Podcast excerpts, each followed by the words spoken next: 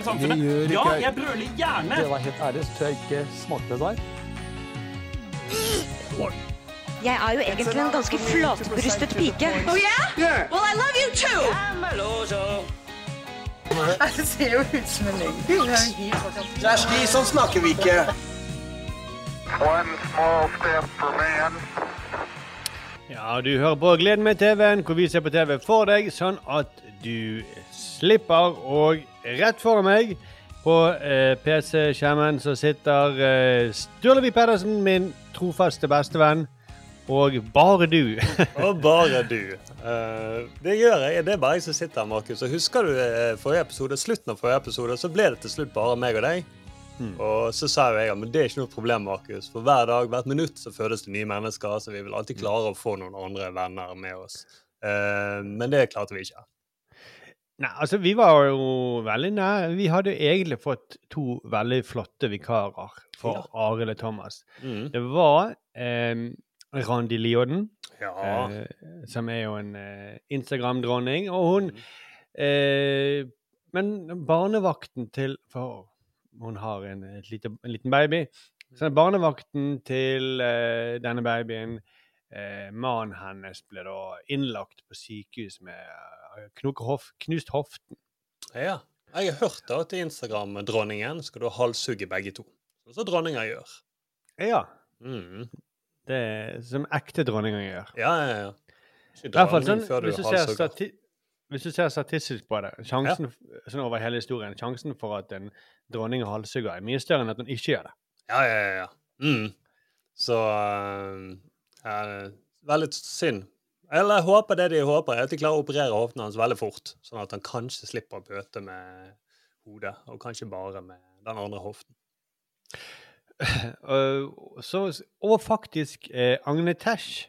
Ja. Eh, Agnete fra YouTube og Instagram og alle mulige reality-show hadde lyst til å være med, men hun ble altså i morgensyk. Så det var jo også veldig leit. For det, hun er jo en av de koseligste Jeg kan ikke noen den koseligste influenseren eh, som iallfall jeg vet om.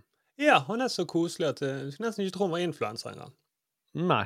Jeg føler at vi har vel på en måte Jeg har aldri snakket med henne, men jeg føler at vi har litt sånn forhold til henne i og med at hun var med i denne 16 ukers helvete. Ja. Eh, Så gikk på Discovery, og det var en av de første tingene vi så i Gleden med TV. ja. Så jeg hadde jo tenkt å spørre henne en del spørsmål. eh, Blant annet, hvis du trener veldig mye, pusher det mye, sånn som Martin Jonsrud Sundby vil at du skal gjøre, det er stor sjanse for at du plutselig blir syk. Det spørsmålet fikk jeg aldri stilt. Nei. Men nå fikk vi på en måte svar på det likevel. da. Vi gjorde jo på en måte det. Mm. Så jeg håper hun kommer tilbake for å ja, svare bedre for seg, da. Men, men egentlig, Stjåle, Mm. så tror jeg jo at dette her blir en bedre sending enn alle andre. Eh, fordi Ja. Du smiler sånn. jeg begynte å smile bare idet du sa bedre, men jeg, jeg er spent. Jeg hører uh, Jeg òg er spent på hva begrunnelse som kommer ut av munnen min. Men Ja. det er jo fordi at uh, Det er jo oss to, da. Bestevennene. Bestevennene.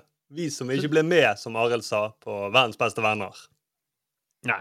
Nei. Arild er jo på ferie i uh, Italia. Og Thomas eh, Altså, han driver og jobber med noen nederlandske greier. På ordentlig, altså. Ja, han gjør det på ordentlig. Og eh, nå har han vært så lenge borte at jeg vet ikke om han jobber med TV-program. Kanskje han smugler dop. Vi får lese om han i avisen. Det er det eneste vi vet. Tror du forresten Arild, som er i Italia, tror du han er med på en nytt sånn her eh, spiseprogram med Ronny Breda Aase? det, det, eh, eh, jeg har lyst til å si ja. Ja, ja. ja. Jeg har veldig lyst til å si Jeg ser for meg at han ligger da eh, Gjerne på en sånn slags gresk-romersk inspirert eh, divan, og så blir han matet av Ronny med diverse deilige matretter fra Toskana. Han sendte meg en snap eh, fra Sicilia, da. Ja, Eh, fra et sånn mafialignende sted som skulle spille på Gudfaren-tema. ja. Eh, men så er det bilde av Scarface. Kjempestort bilde av Scarface. Scarface. det var ikke så dårlig, men samtidig er feil. Det er liksom uh, En av skuespillerne er nå med der. Han er det. Og, eh, og de snakker jo nesten italiensk i Colombia. Ikke så Ja. langt ifra, så ja, det får holde, da. Men uh, det, altså, det er et romansk språk, det er det jo. Ja. Det, det, det har de. Mm.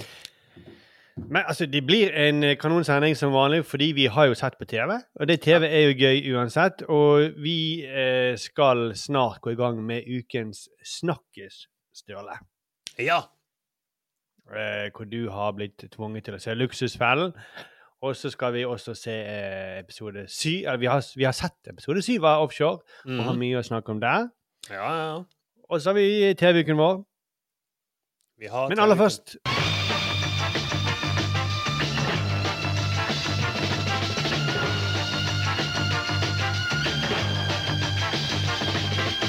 Aktuelt. TV.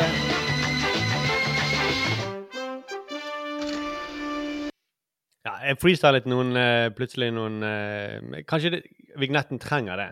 Ja, et lite øyeblikk så trodde jeg at du hadde uh, invitert inn Lars Vaular. Som bor i nabolaget vårt. Ja, gjør det. ja. Uh, bare spill en lenge til, Større. ja, OK. Nyhetsredaktør i TV 2 sammen med Afabati. Dårlig seertall for verdens beste venner. Likevel fantastisk program, sier underholdningssjef.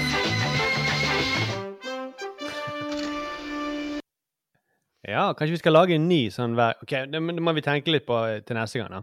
Ja, vi gjør det. Mm, om det blir Lars Vaular, eller om det blir eh, eh, stemmer fra kampanje.no. Ja. Mm. Eh, det er ikke så mye som har skjedd i TV-verden denne uken her. Det første jeg vil si, er at eh, altså, NRK har bestilt en ny sesong av oljedramaet Lykkeland. Eh, som ikke vi kommer til å bry oss om, fordi at eh, offshore er allerede laget. Mm. Så der er jo hele historien. Ja, der er historien, og den er allerede i tre sesonger. Mm, kan binge den. Ja, binge. den. Kan ikke vente på en ny sesong. Nei. Og den er på en måte den, den tar jo opp alt som har med oljebransjen. Det er veldig komprimert. Det er både de som er på eh, kjøkkenet, og de som er høyest oppe i amerikanske drillingselskapene. Mm, og de som bor langt, langt og inn en dal i kjedelig nord. Ja, ja. Som shit. egentlig ikke har så mye med oljebransjen å gjøre. Nei. Ja, men eh, Så det driter vi i. Ja. En, eh, ellers så eh, er det jo eh, Det er jo Maskorama, da. Det er Maskorama. Det er Og det, du nevnte verdens verste verdens beste venner. Eh, verdens beste venner. Sånn er det, ja. Mm. Ja. Og det, det må jo være veldig trist for de som jobber med det. At, for alle vet at dette er bare et venteprogram fram til Maskorama kommer. ja. Til de har klart har- å lage ferdig kostymen i Maskorama. Ja. Og nå er det liksom, nå har de sluppet kostymene, det er veldig mye hype, det kommer en podkast nå også. Mm. Eh, sånn, det er jo egentlig sånn alt som går på lørdag som ikke er Maskorama, er bare ja, ja, vi må bare fylle tiden fram til Maskorama, for det kommer jo til å bli eh, Tror de, da. Og de blir sikkert like Jeg tror ikke det blir like stort som det var når vi satt innelåst alle sammen under pandemien og ikke møtte andre folk. Da hadde vi behov for å liksom samles rundt et sånt program som Ja. med. Mm. Har behov for å glemme hvordan korona så ut, og så heller se ut hvordan rare kostymer så ut. Vi kunne erstatte de bildene med Og det var en periode vi, periode vi alle gikk med masker òg. Ja, vi gjorde jo det. Vi var jo venner med masker, og alle spekulerte hvem er det som er bak den og den masken. På butikken, ja. Ja, ja, ja. Mm, spesielt blant de som brøt ut i sang. Men eh, det, det, var jo ofte, det var jo faktisk et lite problem på butikken at man ikke kjente igjen folk i nabolaget. Mm. Det, det jeg kjente ofte igjen, da. Men ikke alltid. Ja. Nei, ikke alltid, men du kjente meg igjen, sikkert fordi at de grå hårene på siden min tøt ut gjennom masken. Ja, men hvis du gikk med lue Ja, av og til gikk jo med lue. Mm.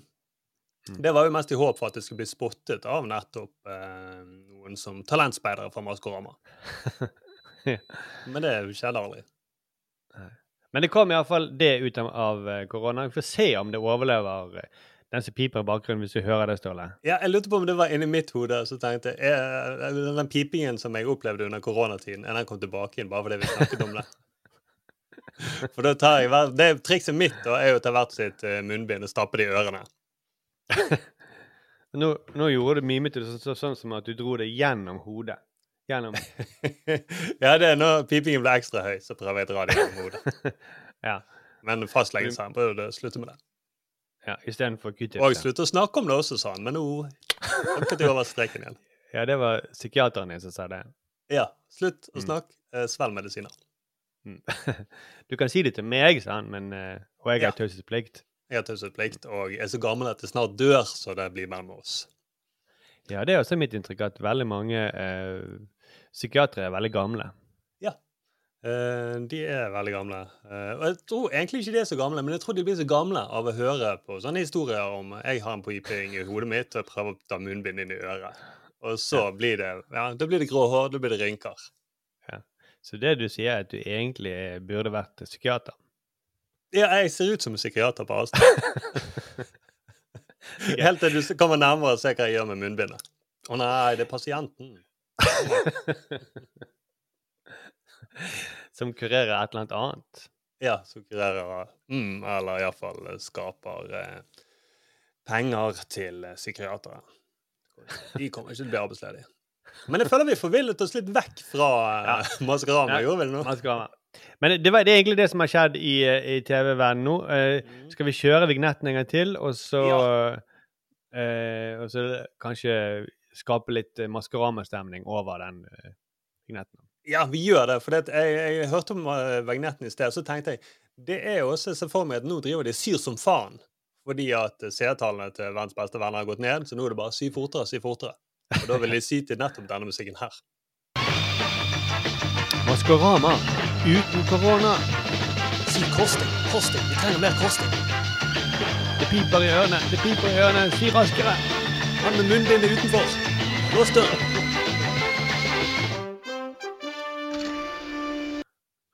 Dette kunne vi opptrådt med, Ståle. Det var perfekt timet. det var perfekt timet. Det vi trenger, er bare å gå på apoteket og kjøpe noen munnbind, så er vi klar. Men vi skal ikke gjøre det. Vi skal, vi skal bare snakke om at du Du, du skal ikke stikke noe eh, munnbind i, i, i ørene. Jeg mente vi kan opptre, ikke oh, ja, jeg tror, jeg tror du mente på scene eller på Maskorama.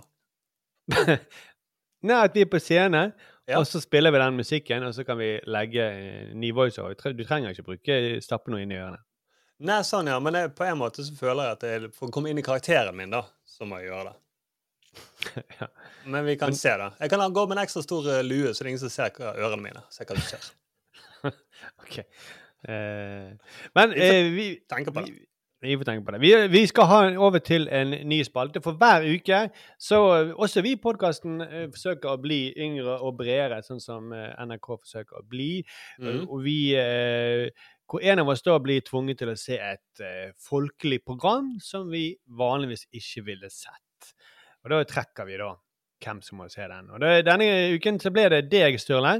Yes. Eh, skal vi bare spille vignetten, og så, som Imre, vår uh, faste lytter, har uh, laget, og så kan du fortelle hva du har. DJ, nesten, vil jeg si. DJ Imre. DJ Imre. Mm, vi gjør det. Vi kjører i gang DJ Imre. Ukens Snakkis.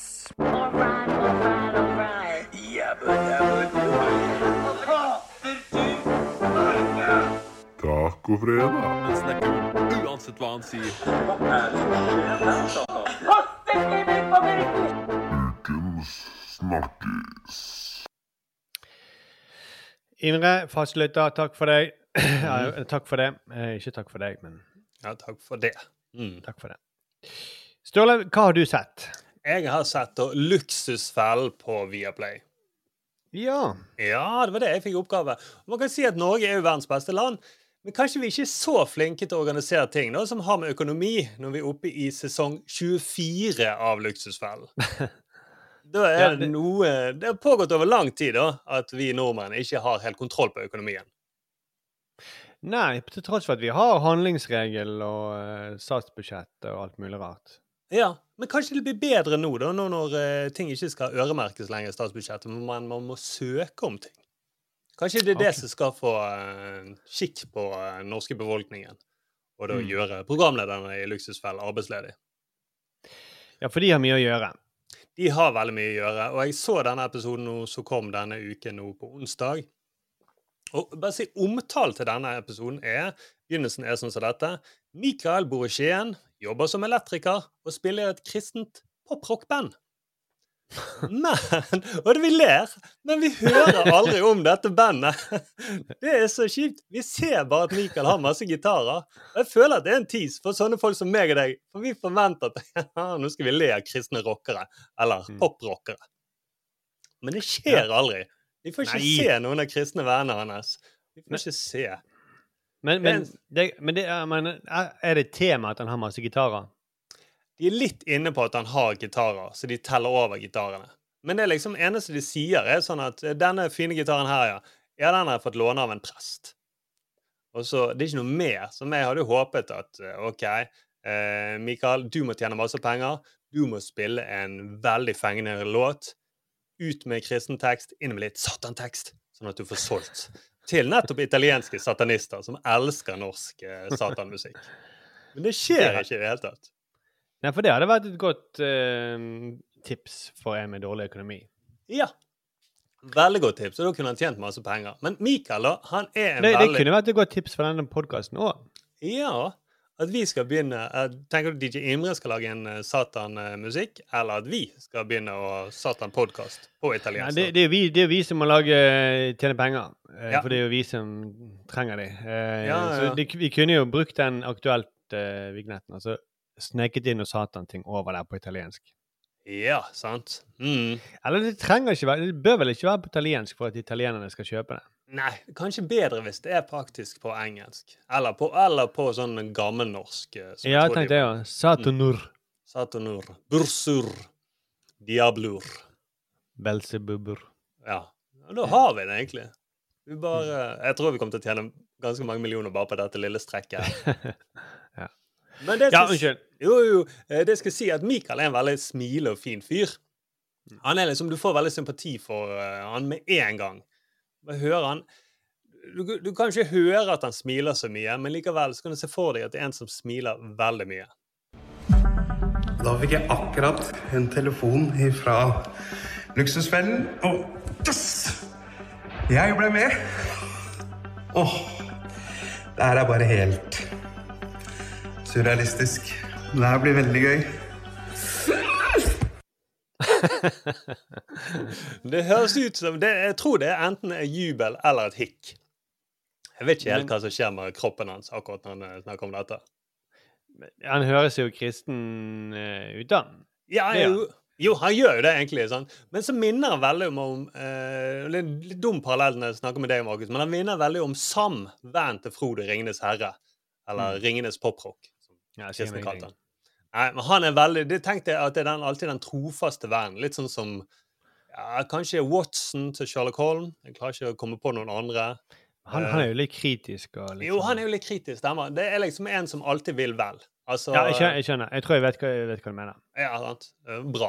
Eh, Ellers så kommer jeg til å tvinge deg til å se hele trilogien 'Ringenes herre'. Altså at du forstår den reisen sammen med Frode har.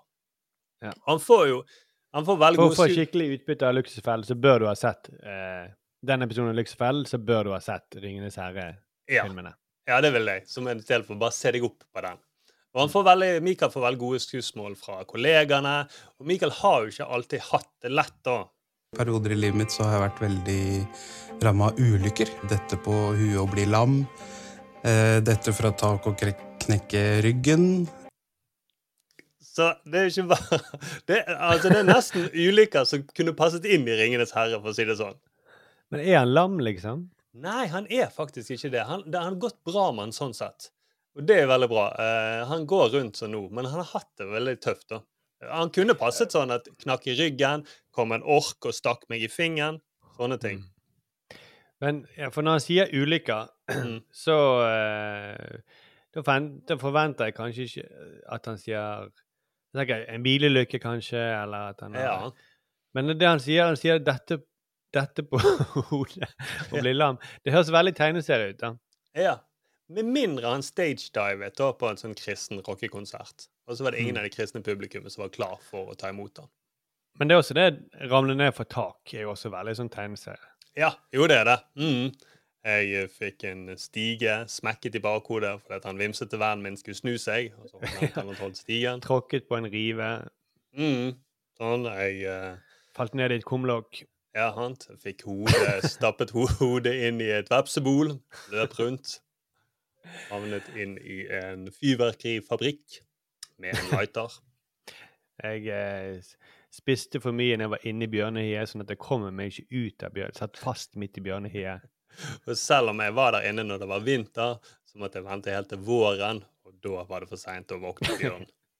Ja. Men også når jeg var ute og isfisket, så prøvde jeg å fiske, ble lurt av en rev til å fiske med halen. Mm, og den halen så jeg aldri igjen. Og Nei. det er derfor jeg går rundt nå haleløs. Uten hale. Men de som skal hjelpe Mikael, da, det er, det har aldri sett disse programlederne før, men det er Ahmed og Magne.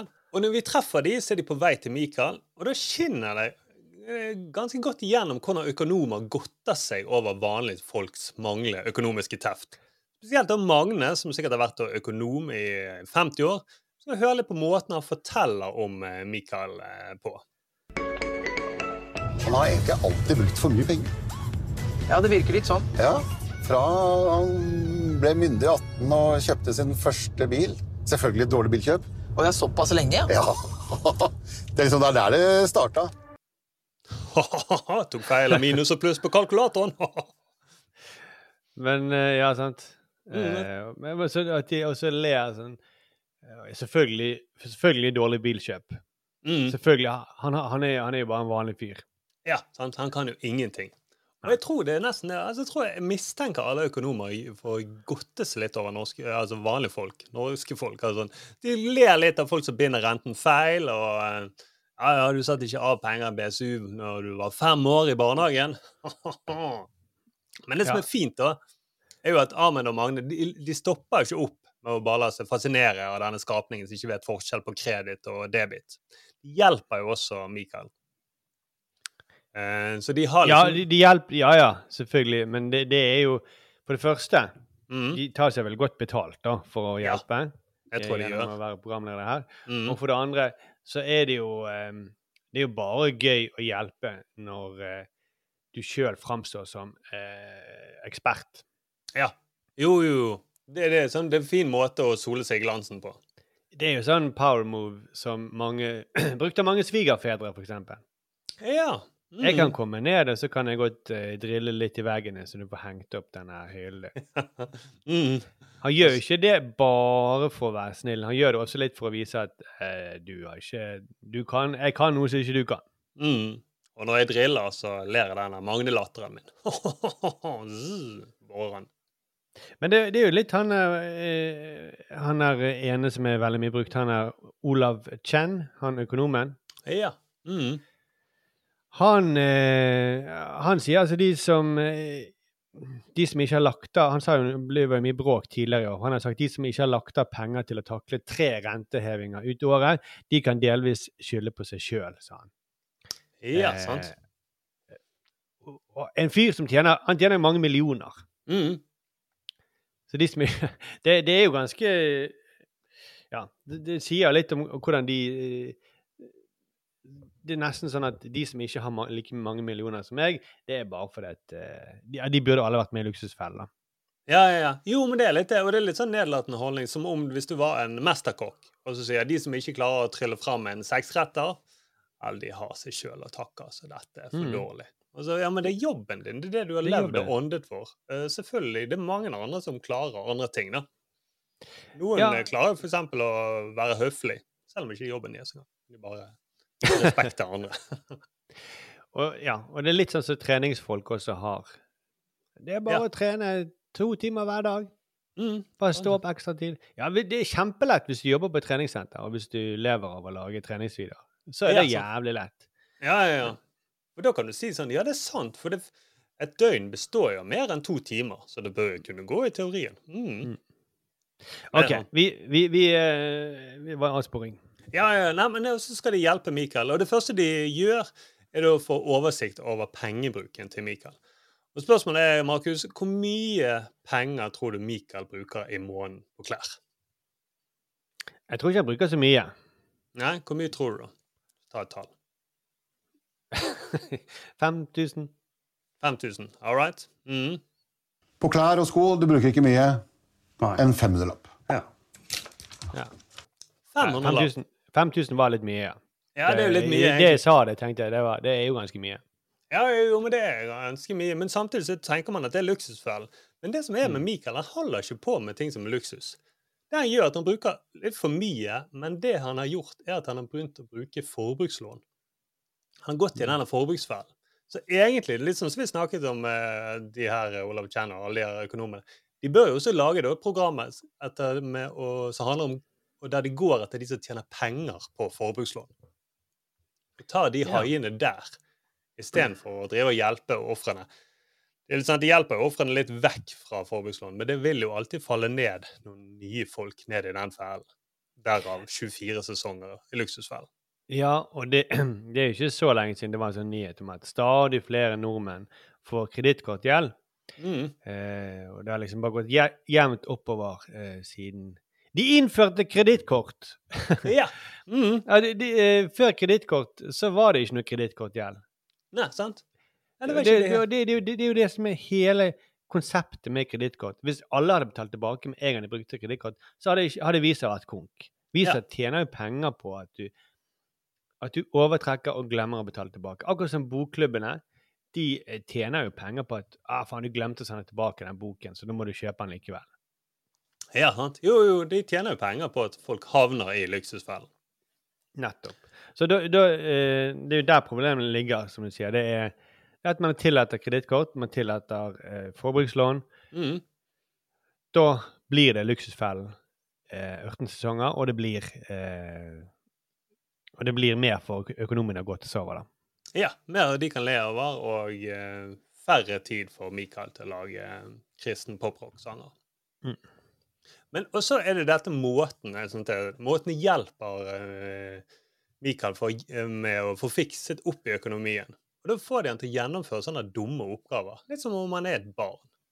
Mm. For det Mikael har gjort, da, hver gang billånet og kredittkortlånet har blitt for stort, så refinansierer han forbrukslånet sitt. Det vil si at han øker forbrukslånet for å betale ned på de andre tingene.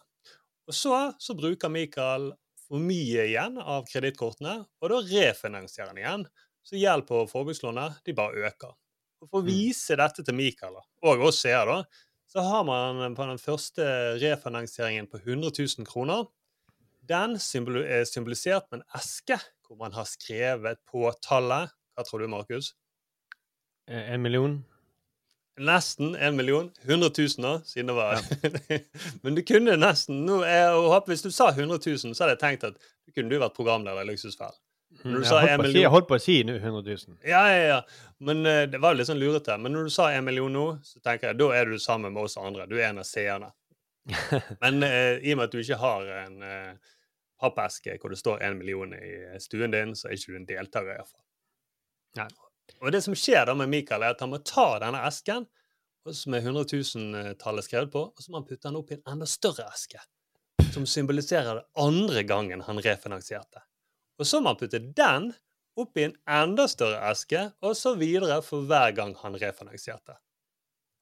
Og det er sånn de driver leker med han. Her er et annet eh, eksempel. Ja, ok, Mikael. Vi har jo gått gjennom forbruket ditt eh, det siste året.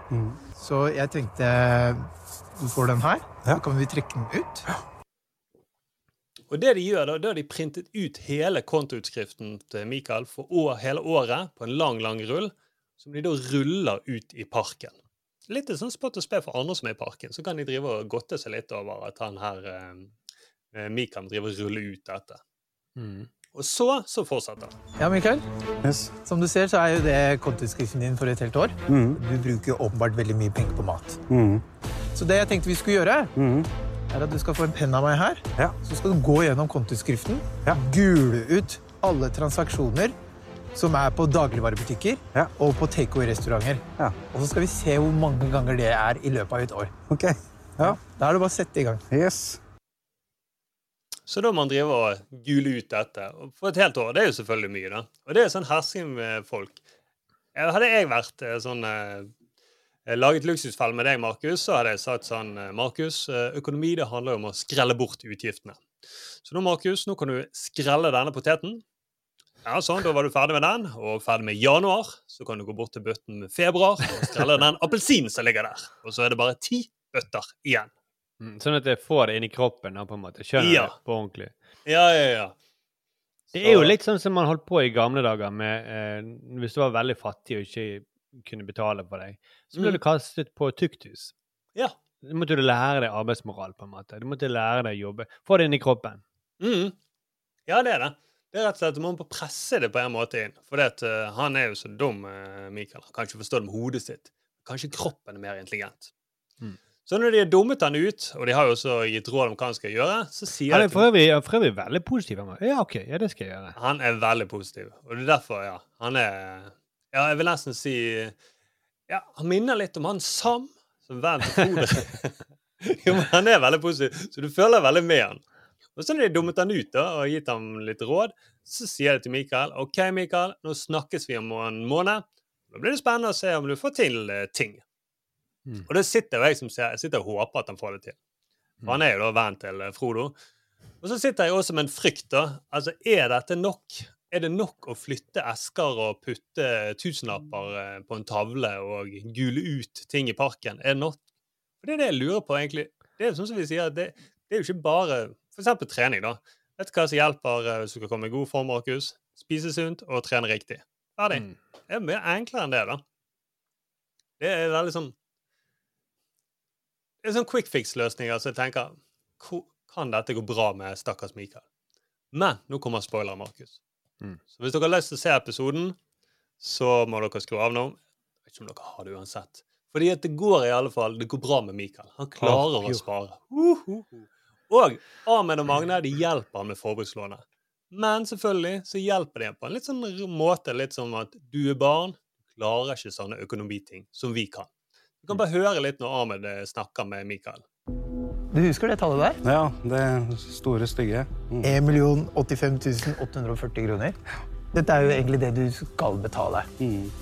Du hadde jo ganske stygg rente Ja. på 18,9 Mm. Det er kjempemye. Mm. Eh, Så det har jo vært litt vanskelig å eh, forhandle med kreditorene dine. Mm. Men etter mye om og men så klarte vi å få til en avtale. Vi kom til en enighet på 8,5 da. 8,5? Ja. Vet du hvor mye vi har klart å spare deg for? Det er veldig gøy, og det blir gøy å se.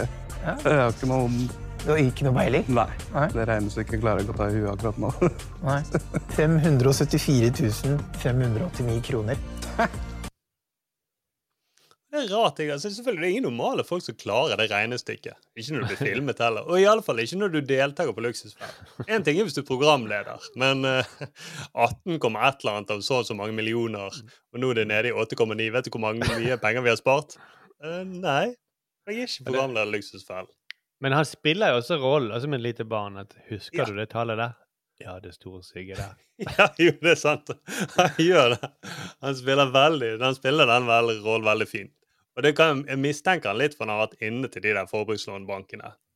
Uh, har- du har vel lyst på litt grann mer penger, har ikke du det, lille vennen? Jo, det Ja. hadde varmet lommeboken min mye. Skal du få?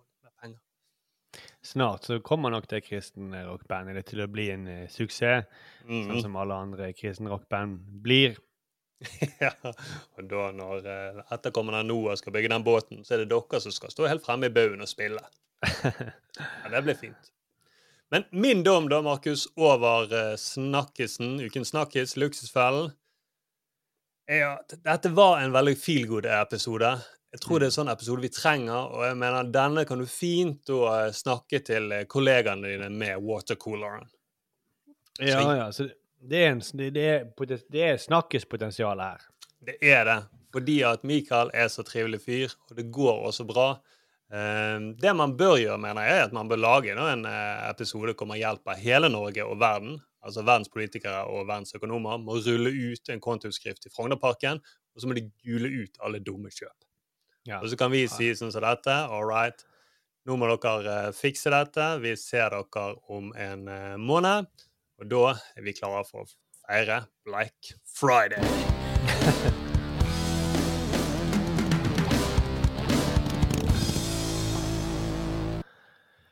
Det var jo veldig passende. Torbjørn har eh, musikken. Torbjørn har musikken fra offshore. Hver gang han er med, så er jo denne skumle musikken og hans motorsykkel. Vi ja. Hver gang det skjer noe kult, velger jeg å tolke det som. Ja. Det er jo eh, Det er jo litt det, det er jeg helt enig i at det burde jo egentlig alle politikerne burde ha fått til. liksom Hvor mye Gul ut alle jagerflykjøp. Mm. Alle pendlerboligkjøp. Ja. Så kan dere se hvor mye. Mm, Så kan dere legge det i OK, du har Her har du én eske. Det er liksom huset ditt. Og der står det to millioner på. Og så legger du det oppi en ny og større eske. Her står det bolig i Oslo på. Mm, men så legger du den esken opp i tjenester fra First House. Så baller det på seg. Ja, men Nei, jeg, ja. det, det er jo på en måte så er det en slags sånn godt gammeldags sånn folkeopplysning-TV, da. Det er jo det, da. Det er en del ting. Eh, altså Mye av det TV3 og sånt gjør, er jo folkeopplysning. Selv om det er veldig nedverdigende og litt sånn eh, Litt i overkant av barne-TV noen ganger. Ja. Så, så eh, jeg føler jo at dette er jo ting som Man lærer jo alltid noe av å se Luksusfellen. Ja, gjør det. For eksempel at du kan forhandle med kreditorer. Ja, sant? Det tenkte jeg, det er ikke mulig, tenkte jeg i det hele tatt. Uh, og de var snille med Mikael. Det de sa også, at Mikael, du har jobbet ti år som elektriker. Eh, vi har sett hva lønnen din er. Eh, du tjener under enn det som er forventet når man har jobbet så lenge som du i ti år. Ring Ja. til sjefen din. Og så ringer han til sjefen. Og så får han, ender han opp med å tjene ti kroner mer i timen, sånn at det iallfall blir 1000 kroner mer i måneden. Da blir de Det- veldig glad, de økonomene. Ja. Det er selvfølgelig veldig bra at han ringer med luksusfelle i ryggen. da. Ja, da har han en bra argument. Og at det var også kollegaene, ikke sjefen, tror jeg, da, men kollegaene eh, på eh, jobben som da meldte han på. Ja. Så, da, så da sa jo sjefen, sånn som alle sjefer egentlig bør si, da hadde sjefen sagt til Mikael er det ingenting annet jeg har lyst til enn å hjelpe deg. Ja. Sånn, så egentlig alle sjefer bør jo se dette programmet. Det var veldig positivt, eh, i hvert fall i disse vanskelige tidene nå, da. Ja. Så Det er eh, det. jeg tror jeg fikk lyst til å se den episoden, nesten. Ja, vi gjør det. Men se først uh, 'Ringenes herre'. ja, ja, selvfølgelig. Vi må se alle. Skal jeg bør lese boken, da?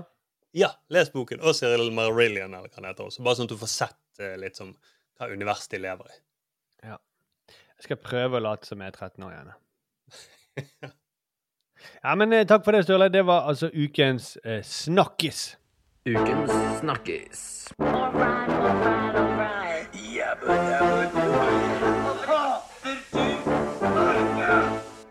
Tacofredag. Snakker uansett hva han sier. Ukens snakkis. Men da, Sturle, da er det tid for eh, rett og slett at vi skal eh, Skal jeg få lov til å snakke om min TV-uke? Egentlig så skulle jo Agnete Huseby også snakket om sin TV-uke. Ja. Og egentlig Randi Liodden òg. Randi mm. Liodden lovet at han hadde noe veldig bra. Oi, shit. Eh, som, som hun ikke skulle ville røpe på forhånd. Ok, Hun visste jeg akkurat hva han skal si. Se. Ja, ja, ja. Da håper jeg at uh, barnevakten sin uh, mann, eller en, av, en eller annen hofte, blir veldig frisk veldig fort. Ja, jeg spurte om, om hun hadde sett på porno, at det var det det var. For det, det var det jeg gleder meg til den episoden uh, når en av oss sier jeg, jeg har ikke sett noe på Netflix. Jeg har sett porno denne episoden. Jeg vil ta fram denne filmen her. Ja, sant? Eller det er strengt tatt ikke TV-program, men Onlyfans har jeg begynt å mm. Mm. Nei, altså, jeg har sett eh, en serie, Sturle, som eh, heter 2000-tallet. 2000-tallet. Mm. Ja, altså, tidligere har jeg snakket om jeg 90-tallet. Dette er en, se Ja, CNN-serie som ligger på NRK eh, sin eh, nettspiller. Ja. Og de har hatt 70-tallet og 80-tallet. Og det handler jo ikke bare om TV, men første episode i hver av disse her eh, sesongene handler om TV. Ja. Og eh, her er det faktisk Altså eh, Det som skjer på 2000-tallet, er vel grunnen til at vi har denne podkasten her. Det som skjer i, i, i TV-verdenen. Det er faktisk Ja. to episoder om TV denne gang. Mm. Vet du hva film som kom omtrent i begynnelsen av eh, 2000-tallet? Rundt da? Det kom jo Ringenes mange. herre. Ringenes herre. Og derfor snakket vi om luksusfell. Nei, sorry. Ja. Videre. Ja.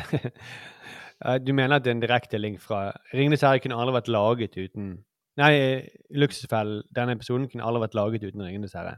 Nei. Mm. Eller Bibelen, da, for så vidt, hvis han er Ja, kristen. jeg tenkte på den. Eller Bibel også. Mm. Og for så vidt også de svarte afroamerikanerne, sånn slavemusikktradisjon. Som Ja. med, med blues og sånt, som ble rock. Ja, og eh, Adam Smith sitt eh, negative syn på mennesket og eh, vekst Ja. av kapitalisme. Mm. Mange vi må takke. Men eh, det som da eh, Nå er jo faktisk de litt usikre Han hadde jo ikke et så negativt syn, eh, Adam Smith, på mennesker. Han var jo egentlig eh, moralfilosof og mente at eh, grådighet var Ja, vi kan ta det en annen gang. Ja, ja, ja, grådighet eh, kan være bra når det gjelder forbrukslån. Jeg kjenner ikke så mye til med Adam Smith. Jeg har hoppet uti det merket jeg. Ja. Men eh, jeg måtte bare markere at jeg visste om noe annet med Adam Smith. Ja, ja, ja. Men ja, bare vent til det, Markus. Jeg kommer til å markere at jeg vet mye om Ringenes herre utover i sendingen. Sorry, du skal fortsette. Ja. Eh, det var faktisk to episoder om TV denne gangen, siden det er så mye som skjer. Jeg, rakk bare den første. Ja. Eh, men dette er da tiden hvor eh, reality-sjangeren blir en stor greie. Ja. Eh, det er altså Survivor eh, kommer, og det er Idol, og det er mye sånt eh, kult som skjer. Mm. Eh, men også de bruker en del tid på klassiske sitcoms. Ja. For mange, dette var en periode hvor mange mente at eh, sitcomen, den, det som de kaller firekammerproduksjon, Mm. at den var død etter Seinfeld og Friends. Men Ja. så kommer da Alaska Raymond, holder liv i sjangeren. Og så kommer Two and a Half Men og Big Bang Theory. Det er faktisk de to sitcomene som har gått lengst, tror jeg, i amerikansk historie. Oi. Og det er altså fordi at eh, det er det formatet som tjener aller mest penger for TV-kanalene. Ja, sant. For det er billig å produsere, da, på en måte, og eh, Ja, masse seere. Ja, nettopp. Du Mm. tar jo det opp bare i én tagning, sant? og så er, er det good Ja. to go. Kan du bare sende det med en gang, nesten. Ja, klar, klar. Men altså, Mm. på 2000-tallet, det er da de virkelig gode seriene begynner å komme. Eh, TV-serier kommer på samme kvalitetsnivå som filmer. Mm. Dette skjer jo samtidig med at filmer da begynner å bli eh, De begynner skal liksom eh, favne mye bredere. De skal prøve å lage en blockbuster hver eneste gang. Ja.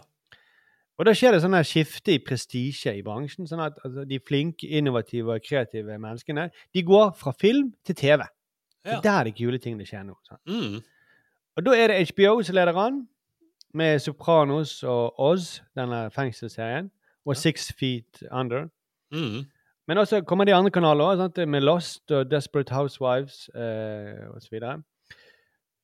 Eh, det er jo interessant, for det, det eh, Jeg har et klipp eh, hvor HBO de, de snakker da om sin strategi. I think what our strategy at HBO was in terms of audiences, not everybody has to watch a show. But if we have different shows for different people, there is something that makes you want to come back and sign up month after month. Maybe you don't watch Sex and the City, but you watch Entourage. There's something for you to make it worth signing up for HBO again and again and again.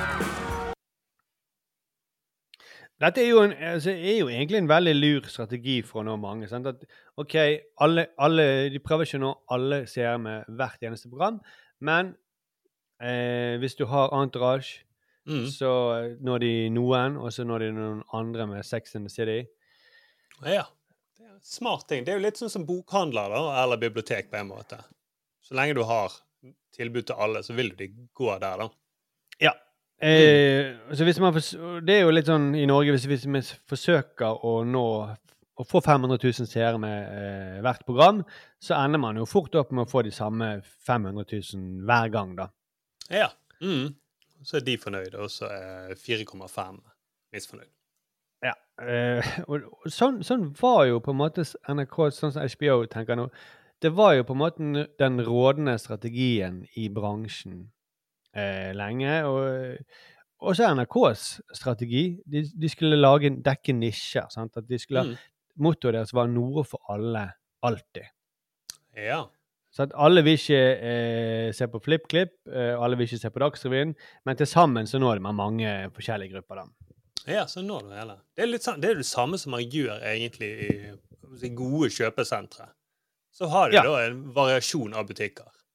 Selv om meg og Arild, som liker bare eh, XXL og Claes Olsson når vi snakker om eh, Jack Reacher og sånne ting, så fins det også noen andre kule butikker.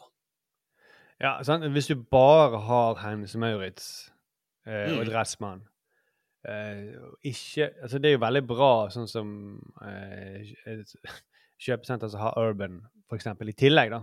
Ja. Mm. Du får den Selv om variasjonen. ikke det er like mange som går der. Nei, nei, nei. nei. Men eh, altså men det, Kanskje dette er en ny trend i bransjen? altså, at De gjør litt sånn som Hollywood-filmene gjorde på begynnelsen av eh, 2000-tallet. at de, Nå virker det som om de alle sammen forsøker å nå eh, breiest mulig med hvert eneste eh, program. da. Mm. Men det tror- er jo litt eh, Da er det ikke rom lenger for for, for eksempel Det er en trend de snakker om. det, det disse antiheltene som kommer. da. Disse, eh, Dexter, for eksempel, som er en eh, Ja. eh, ma eh, massemorder. En seriemorder. Ja, Eller. Nurse, Nurse Jackie, eller hun er fra Weeds. Mm. Eh, Du får jo en del, og jeg tror det er derfor også Nå husker jeg ikke helt hva det heter, den kanalen de har fått inn. Men Disney Pluss har jo Disney Pluss, men så har de også denne Star, er det vel den heter. Hvor de reklamerer for at OK, på ene siden så finner du eh, koselige Snipp og Snapp-filmen, men inne på Star så finner du også de siste episodene av Walking Dead. mm. For å spille at her er det noe for alle. Det er ikke bare rendyrket Disney-Disney. Det var en grunn til at de kjøpte også Marvel-rettighetene og Star Wars-rettighetene, fordi at vi må lage noe mer enn bare Donald Duck feirer jul med vennene sine. Ja, og det er jo litt sånn så det er derfor Meny kan ta Folk gidder gå på Meny selv om det er dyrt. Jo, jo. Eh, For det, ja, der har de den ekstra olivenoljen som du ikke finner andre steder. Eller? Mm. Eller den gode Hansa-ølen som man bare finner. Ja, heller det, egentlig. Jeg, jeg, har jo all, jeg, jeg, er ikke sånn som står og velger mellom olivenolje. Men eh, jeg føler på en måte dette går inn i den NRK-debatten som har vært i det siste, da, og, og i mediene, som vi også har vært eh, så vidt en del av. Mm. Og da Jeg vil bare liksom eh, Jeg vil sitere Aksel Kielland, som skriver om TV i Morgenbladet. Ja. For han skrev at eh, denne uken her at NRK er i ferd med å, å skapes om til en kul tante som insisterer på at hun er hun og publikum er søstre. Ja, sant. Mm. Hun er en kul tante som kommer inn på festen og sier, liksom, sier jeg, er, jeg er akkurat som dere. Jeg er storesøsteren din. Mm. Ja, sant. Har dere lyst til å høre meg rappe litt over nyhetsvignett? ja. Eh, og det, det, dette kommer da i, i kjølvannet av eh, Millionærhjerne og eh, Sofie Elise. Eh, han sier videre at altså, denne mari- marinlystfilosofien om eh, at NRKs oppgave er å være den er å være, altså, NRK skal være landets største mediehus, og alt annet kommer i andre rekke. Ja, sant. De vil bare ha de Drit i store hva vi vil si. Vi, vi, vi skal være store. Hvert program skal være jævlig store. mm, Vi skal gå for de store tallene. Her sier Statskanalen til de unge målgruppene eh, De kontinuerlig minner oss om at vi, de er avhengige av å nå fram til. Det er dette dere liker, ikke sant? Mm. Eh, og det, ja, det er jo så, litt sånn som hun eh, kuletanten som kommer og kjøper øl da, til eh, alle eh, 16-årige jentene som er på festen. Ja, sant. Mm. Det, det er sånn dere liker, ikke det? Når Dere dere ha liker- hasj? ja. Jeg kan ikke øl, og her er rusbrusen. Er det sånn dere liker? ja. ja, det er kanskje ende med det. Rusbrus var jo stort i 97, så Se her, jeg har uh, tampong og uh, tresprit. Det er sånn dere det. inn her og der. eh, Men eh, så dette gjelder på en eller annen måte Det gjelder jo for så vidt Sofie Elise-podkasten og eh, den Millionærhjerne-podkasten, hvor de forsøker virkelig å gi det folk vil ha. Men det gjelder kanskje i enda større grad så gjelder det føler jeg, verdens beste venner, som vi har snakket om tidligere. Mm. Det er jo dette dere liker, sant? Dere liker Live Nelvik og Anna Tørnquist og kjendiser som konkurrerer. Ja. De samme kjendisene som du, dere likte i går. Dere liker de Mm. fremdeles, sant? Mm. Ingenting som forandrer seg. Her er det de samme kjendisene. Det, for meg så ser det ut som det er en gjeng romvesener som forsøker å etterligne hvordan TV er på jorden. Ja, sant. Mm. Eh, Ja. de, de de gjør måte, eh, de gjør på en måte alt rett. Mm.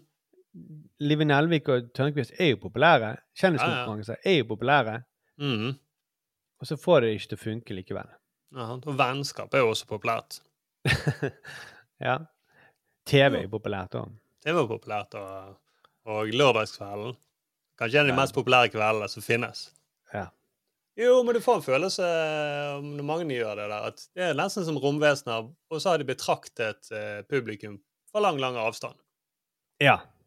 Og så sa ja, jeg ser for, ja, det ser ut som de nærmer seg noen kjendiser. OK, kjør på med det. Og det er jo det motsatte av HBO-strategien, da.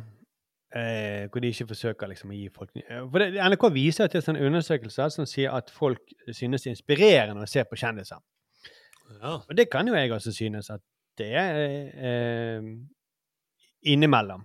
Mm. eh, men jeg Jeg personlig synes det er veldig inspirerende å se på venner. Ja. Ja. Mm. Men eh, jeg, eh, jeg, sant, jeg liker lasagne, men det betyr ikke at jeg har lyst til å ha det til middag hver eneste dag. Jeg trenger også grønnsaker, og jeg har lyst til å smake andre ting, nye ting innimellom.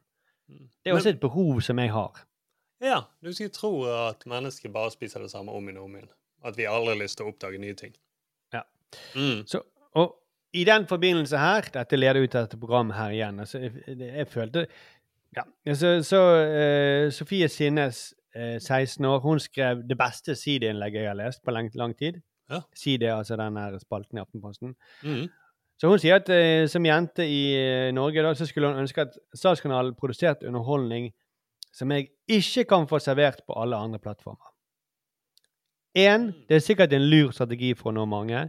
Det, det tror jeg fremdeles det er. To, det burde jo være NRKs oppgave. Hvis, eh, de, de av alle burde laget noe som Ellers er det jo ikke så mye poeng med en, en, en allmennkringkaster.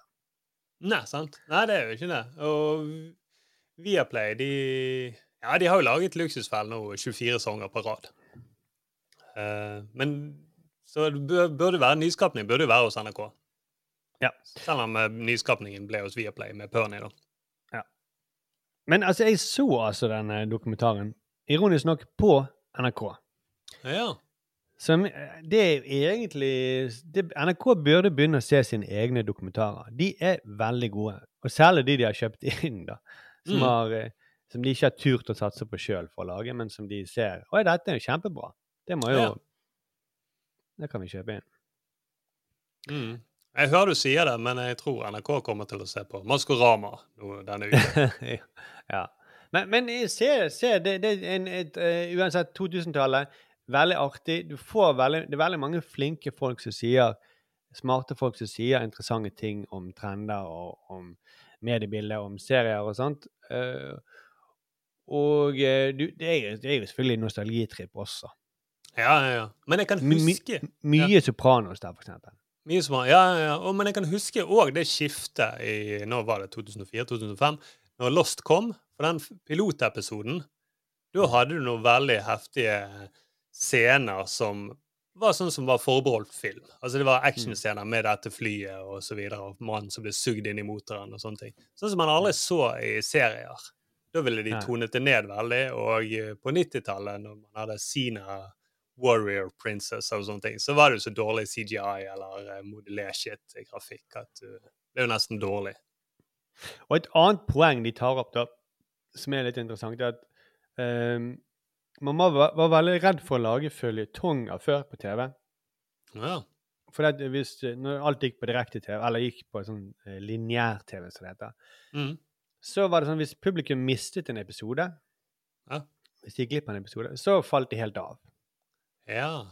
Så Mm. da var de livredd eh, for at eh, det, var, det var veldig redd var veldig engstelig i bransjen for å lage sånne ting som gjorde at folk falt av, da. Mm. Fram til DVD-ene kom. eh, du kunne liksom samle alt på ett sted. Det er jo det som på en måte Og da blir det som en god bok, så du kan liksom eh, Du kan lage hooks, sånn at du 'Å, jeg må se en episode til', jeg må se en episode. Lese litt til, lese litt til. på en måte. Neste kapittel er neste kapittel. Ja, du blir hektet. Eh, Jeg så jo litt av Lost på TV først, og så kjøpte jeg DVD-en. Og så var det en gang jeg var syk, jeg hadde feber. Uh, og så vet du hva jeg Oi, oi, klarte? oi. Så, så du på Lost når du hadde feber? Ja, og, ja, og det var da jeg trodde jeg var blitt skikkelig syk. For det jeg gjorde, var at jeg hoppet over at uh, Jeg skulle se fra fem til seks, men så når jeg byttet DVD, så så jeg feil episode. Så plutselig så, så jeg episode syv, og så var det en Mm. episode jeg ikke hadde sett. Og da var det ingenting som ga mening i det hele tatt. Og så er liksom ti minutter ut. Hvorfor er de inne i den kjelleren? Jeg skjønner ingenting. Uff. Så da litt- la, tok jeg mer smertestille, og så la meg til å sove. Det er litt sånn som de gangene jeg har vært veldig trøtt og så lagt meg på sofaen og sett på Dagsnytt 18, eller hørt på Dagsnytt 18. Mm. Og så, og så går liksom På DVD-en, eller Jeg tar tar det fra begynnelsen her, fra sesong én. Ja, bra. Mm. Ja. Men da blander alle nyhetene seg i hodet. Ja, sånn, ja. Nå ligger der og slumrer. Ja, skal helvete, skal Putin til brann? Jeg skjønner ingenting. Jeg. Og det verste er at de er, er i Obos-ligaen. Men det verste er jo liksom når eh, For noen ganger har jeg våknet og virkelig tenkt er, er, Stemmer dette, liksom? Er det Mm. riktig? Men uh, Men da snur du deg og ser hvor du ligger. Jeg ligger i sofaen min, kanskje ikke. det, det største problemet var at uh, det var en, en stund for noen år siden så hørte jeg det på lineær radio. da. Og det hørte, måtte du høre på P2 gjerne. Ja. Mm. Og da, når programmet var Så sovnet jeg veldig ofte mot slutten av Dagsnytt 18. Og så kom Det var det sånn korpsprogram etterpå. Kanskje jeg snakket om det før. Så jeg våknet alltid til sånn infernalsk eh, korpsmusikk. Det er helt jævlig å våkne midt inne i en, en korpsmarsj. Ja, det er, for korps er jævlig i seg sjøl. Jeg har noen ganger drevet og lagt på sofaen og hørt på musikk. Slapper Mm. Og så, i det akkurat det det jeg våkner, så klarer ikke hjernen min å kode tonene om til musikk. Så det blir bare helt randomme lyder. Men Du, korps, jeg korps er jo sånn hele tiden. Jeg føler vi har feber nå, for jeg tror vi har snakket om Enten det er, er veldig déjà vu. Jeg tror vi har snakket om dette før på podkasten. Ja, kanskje fordi at eh, noen ganger så har jeg noen ganger tatt munnbind, og så puttet inn i ørene. Men OK, det, det var min eh, TV-uke. Jeg oppfordrer NRK til å se litt mer på sine egne mm, dokumentarer. De er veldig gode. Ligger ute på nrk.no. Der det en gang var noe for alle. Alltid. Ja. Nei, men jeg, det, jeg skal òg se den. Jeg skal se den 90-tallsepisoden som du snakket varmt om for mange episoder siden, og selvfølgelig 2000. Ja, og så skal jeg se den neste episoden. For de, det er de to første episodene handler om TV. Ja. Mm. Ja. Da, da, da kommer de inn på Breaking Bad og mye fett. Så eh, anbefales. Eh, kul, eh, kult format. Kjapt innom mange forskjellige sjangre. For mye dum og rar info. Og eh, burde være eh, noe som eh, alle som lager TV, egentlig ser på for å lære av. Hva, hva var det egentlig som funket bra? Mm. Den gangen det funker bra. Ja. Jeg lurer på, det, det som er trist, jeg lurer på om det er litt sånn siste kamp Akkurat som Hollywood, som har de sånn Det er jo de siste krampetrekningene til kinoene. At de forsøker å lage De må lage noe som treffer jævlig bredt, eller så dette, Er dette de siste krampetrekningene til TV-bransjen? At er det nå rett og slett Jeg vet ikke. Ja, det blir det, I konkurranse med internett På internett der kan du jo finne hva du vil.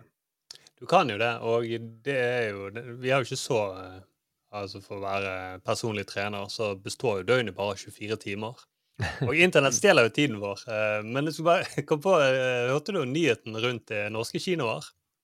Det er jo nesten ingen som går på kino så mye som man gjorde før.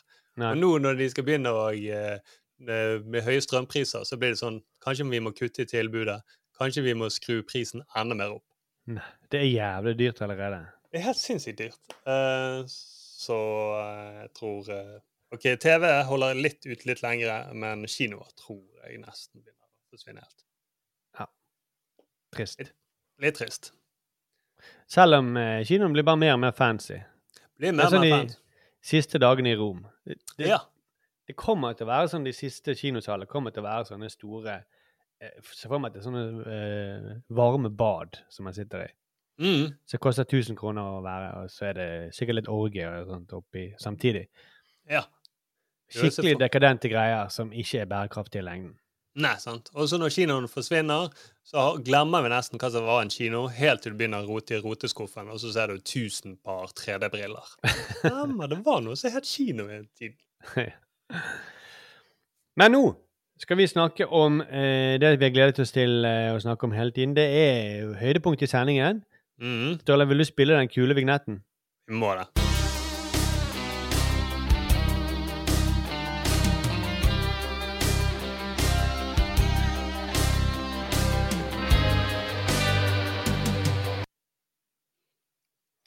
Det er altså offshore, som vi ser fra begynnelse til slutt. Og nå Hva episode er vi kommet til nå, Sturle? Shit, nå står det stille. Er det episode syv? Det er, Ja. ja. Jeg, ja, det er Riktig, syv. riktig. Det er syv, ja. For jeg, har kalt den Trøbbel-episoden. Trøbbel Ja, det var en godt, god overskrift. Ja, ja, ja. Det var liksom Episode seks var vel mer eh, vitse og fnise og le-episoden. Mm. Episoden før der igjen, eller der igjen, så var det Storm-episoden. Da var det en storm, og Steinar ble stormende forelsket. Og det, det passer på en måte rett at eh, du svarte riktig på det, det eh, sp- quiz-spørsmålet mitt om hvilken episode det var. Mm. Fordi at eh, det som mange Som Kristoffer Kjellrup minnet oss på utenom sending her, eh, er jo at eh, han Finskau, Ja. som spiller Roar, -hmm. og far til eh, både Kristoffer og Alexander Skau, han, eh, han var jo Før Offshore så var jo han mest kjent for å være programleder for et program som het Askeladden. Stemmer, det var der han var. Mm. Et quiz-program som minnet var TV 2s versjon av eh, Jeopardy, Ja. på en måte. Det var så veldig likt ut, men du, du, du måtte ikke ha den spørsmålsformen først, da. Nei. Og han, det var en, eh, han var, liksom Konseptet var at han programlederen han, han ble så revet med hver gang. Husker ikke du det? Han ble helt gal når folk vant. og sånt. At han liksom, Jeg sett Altså, min TV-historie altså, Jeg har egentlig ikke Jeg er jo med i en TV-podkast, men jeg har ikke likt TV så godt som uh, Jeg har av en grunn aldri satt meg ned og sett så mange av de her programmene. Men jeg husker jo at den var der. Men var det, det var ikke dette så de hadde noen sånne kofferter? Eller det kom kanskje mye seinere? ja, det var mye seinere. Det, det var helt i TV 2s barndom så gikk det hver dag klokken seks eller noe sånt på, på ettermiddagen. Ja, ja. Men husker at jeg har jo en far som ikke var så glad i reklame, Markus. Og det vi kranglet i bilferien eh, den sommeren TV 2 skulle komme. Så jeg ga for meg at min far bare skrudde av det der. Men jeg husker din far Min far var jo enda mindre glad i reklame. Jeg husker jeg, jeg var så overrasket når jeg var på besøk hos dere, så hørte dere på eh, Radio 1. For jeg hadde aldri hørt reklame på radio før. Ja, jo, jo. Og hjemme hos oss var det bare P2 som stod på. Ja, sant. Nei, det var jo vel Der er det min storesøster, så tror jeg jeg har kjempet den kampen. Ja, ok. Eh, og så var hun så lur at hun plugget i radioen eh, i eh, stikkontakten, sånn at idet du slår på lyset på badet i huset til Stålevik Pedersen, så bam, så smeller Radio 1. Ja, ok. Men det var, han hørte på det i bilen da, husker jeg. Men, eh, Jo, men, jo, eh, jo, det er sant. Mm, han, han er, for, for, for det var jo lokal det, en, det var den største lokalradioen. Han, var jo, han er jo glad i Bergen. Og, Ja, ja, jo, det er sant. Så, så kanskje det veiet opp for all reklame. Mm, hans Ja. kjærlighet til eh, eh, trafikkmeldinger på Nordre innfartsåre. ja, og så var det reklamer på bergensk, på en måte. Ja, mm, og det er jo nesten ikke reklame engang. Det er jo nesten mer sånn Jeg vil si nesten en hymne, egentlig. Ja. Men han Mm. reiste seg hver gang det var reklame, husker jeg. Ja, jeg husker han sto i bilen hele veien inn til Sandviken. Men OK. Uh, uh, vi, vi, vi kan snakke videre om offshore, men eh, Mm. jeg bare fant Nå kan du høre, da. Eh, jeg vet ikke helt hva dette er, men det er Askeladden åpning med mer, står det. Ja. Det fant jeg på YouTube.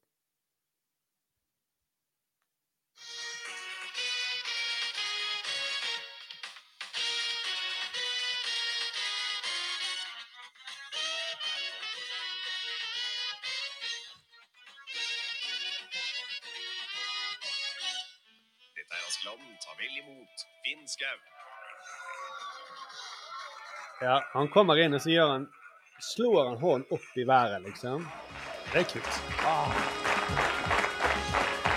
Ah. Ah. Jeg elsker Askeladden. Det er så deilig å få applaus. Hjertelig velkommen, alle sammen. Og til det der, ja, dere må gjerne applaudere, dere òg. Men iallfall, hyggelig å ha dere med oss. En ny Askeladden er i gang. Vi har altså et fullsatt stadion, nær. Et fullsatt studio her i kveld. Og eh, jeg håper at vi skal få publikum til å ta bølgen senere. Eh, Vi se om vi klarer å fikse det. Og eh, vi har tre deltakere som kommer inn hvert øyeblikk. Og de kommer til finalen, en av dem i hvert fall. Og får med seg noen penger. I går var det masse penger. I forgårs i hvert fall. Og en fin premie kan man få. Og jeg minner om superfinalen som er på fredag, altså om vel en uke. Og hva kan man vinne der? Se her av dere. Dette er en Honda Civic VI. Jeg bare si, eh, så han, han begynner jo alltid hvert program med å si ah, 'Jeg elsker Askeladden', jeg elsker Askeladden. og så snakker han mye om, om stemningen. Sant? At han vil få opp eh, at eh, stemningen i publikum. Jeg håper dere tar bølgen snart. Han er veldig Mm. opptatt av Det er sikkert fem publikummere der. Ja. For det går jo hver dag. Mm, to av Eh, de er sønnene hans. ja. Og det, eh, det var litt uvant at han, han liksom han er, prøver å være sånn hypeman. Ja. Den Mm. måten han slår hånden liksom opp i været på når han kommer inn, det er Han er, høres ut som en blanding av eh, programleder og publikumsoppvarmer. Ja, det er det. Han er en oppvarmer. Mm. Eh, OK, vi bare hører slutten her. Her i studio her er alt som det skal. Tavlen er på plass, klar med spørsmål og svar og stikkord og temaer. Publikum, la oss høre om det er noe lyd i dere, folkens. Har dere det bra? Ja, dette her, det må jo bare bli bra. Og eh, da syns jeg dere skal klappe enda mer, for nå kommer nemlig Marianne, Torgrim og Anne Karen. Her er de. Ja, du hører jo på publikum at det er ikke sånn eh, 10 000 som klapper. Nei, men du så også noen sånne hender som gikk opp, som på fotballstadion, opp for, foran kamera, og liksom eh, Noen skygger av hender som driver og jubler. Mm. Som var vel bare sånne oppblåsbare figurer i kjent Home Alone-stil. ja. Eh, men eh, han eh, Kristoffer Kjeldrup påpekte at han klarer ikke å ta Finn Skau seriøst. Han er jo skuespiller. Ja, men han, ja. han klarte ikke å ta han seriøst som noen ting eh, etter Askeladden. Nei. Mm. Og det, og det skjønner jeg òg, for han, han, han tar sånn av når folk vinner. Skal, skal, neste gang skal jeg finne fram et klipp til deg. Må, det må finnes der ute. Ja, ja, ja.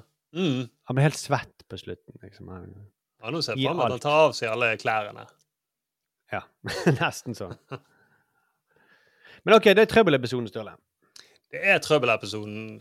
Og det begynner jo med ja, nå, Jeg vil ikke si det er trøbbelungen, men uh, ungen som har mye trøbbel. Vi har fått mer hjerte for Stian enn jeg hadde i begynnelsen. Når Ja, han bare han eh, stesønnen til Steinar, Steinar, Mm. som jeg ikke jeg husker fremdeles ikke hva moren hans heter. Nei, Jeg tror Mamma. Hun mamma. Mamma. Jeg tror hun heter mamma Hanne. Jeg tror det faktisk er Hanne. Ellers har jeg diktet opp dette. Hun ser ut som en som kan hete Hanne. Ja. Ja, Ser veldig var- sånn eh, 90-talls-pen ut, på en måte. Ja, veldig. Mm. Uh, ja, sånn som kun Hun er litt for gammel til å jobbe på Peppers, men hun kunne jobbet på eh, Sjøboden i Bergen, for eksempel. Ja. Mm. Hun Så kunne smilt litt når vi prøvde å komme oss inn med fake leg der. Ja. Mm.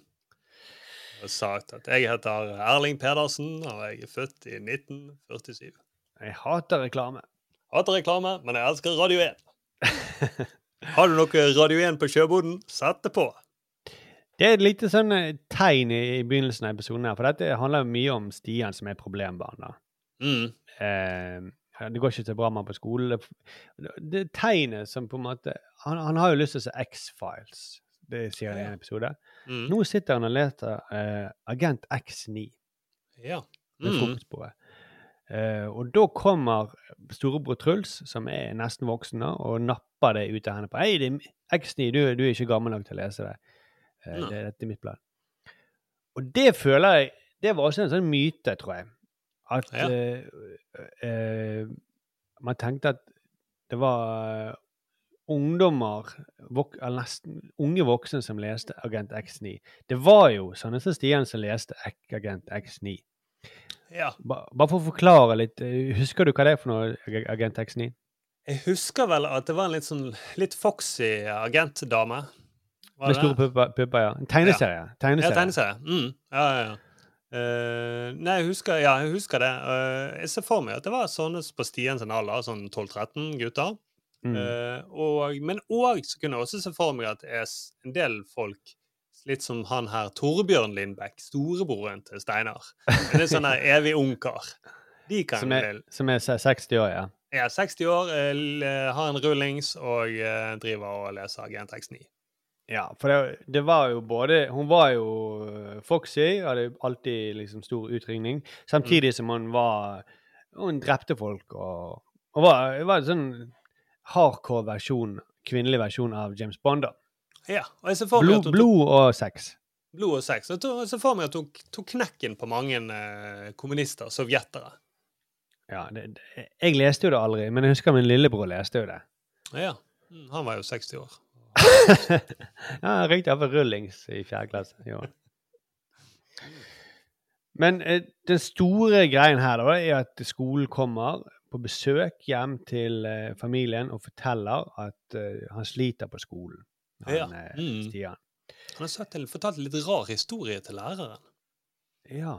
La du merke til den? Jeg husker han ikke helt nå, men Nei, hun eh, læreren som for øvrig heller ikke har bergensdialekt. Det er veldig mange i denne Bergen by som ikke har bergensdialekt. veldig mange. Men i alle fall, hun Det er kanskje derfor din far aldri reiste seg når offshore kom på TV, selv om det, handlingen er i Bergen. Ja, mm, og selv om de filmet uh, bygget til min mor, der hun jobbet. Ja. Men hei, mm, Ja, men, ja, men han eh, Nei, det Stian sa, da, har sagt til læreren, er at faren ble drept i en helikopterulykke, og moren er ikke den virkelige moren hans. Ja, og så forteller hun også at Stian deler ut godteri. Og jeg husker at vi lærte på 90-tallet, Markus, at kjøpevenner det er ikke ordentlige venner. Jeg skjønte aldri hvorfor de drev og snakket så mye om dette, men det må nok ha vært en stor greie, og eh, spesielt med offshore. Ja, men var du noen gang venn med noen som eh, kjøpte ting til deg? Nei, jeg gjorde aldri det. Uh, nei, jeg kan, jeg kan ikke huske i det hele tatt. Jeg var Nei, venn altså- med en som Faren ble drept i helikopterulykke, og mora er ikke den virkelige moren. Men det var aldri det. Men det var, sånn der, eh, det var litt sånn to ting men når det gjelder godteri. Pass deg for lokkemenn, altså pedofile med godteri, Mm. og kjøpevenner er ikke ordentlige venner.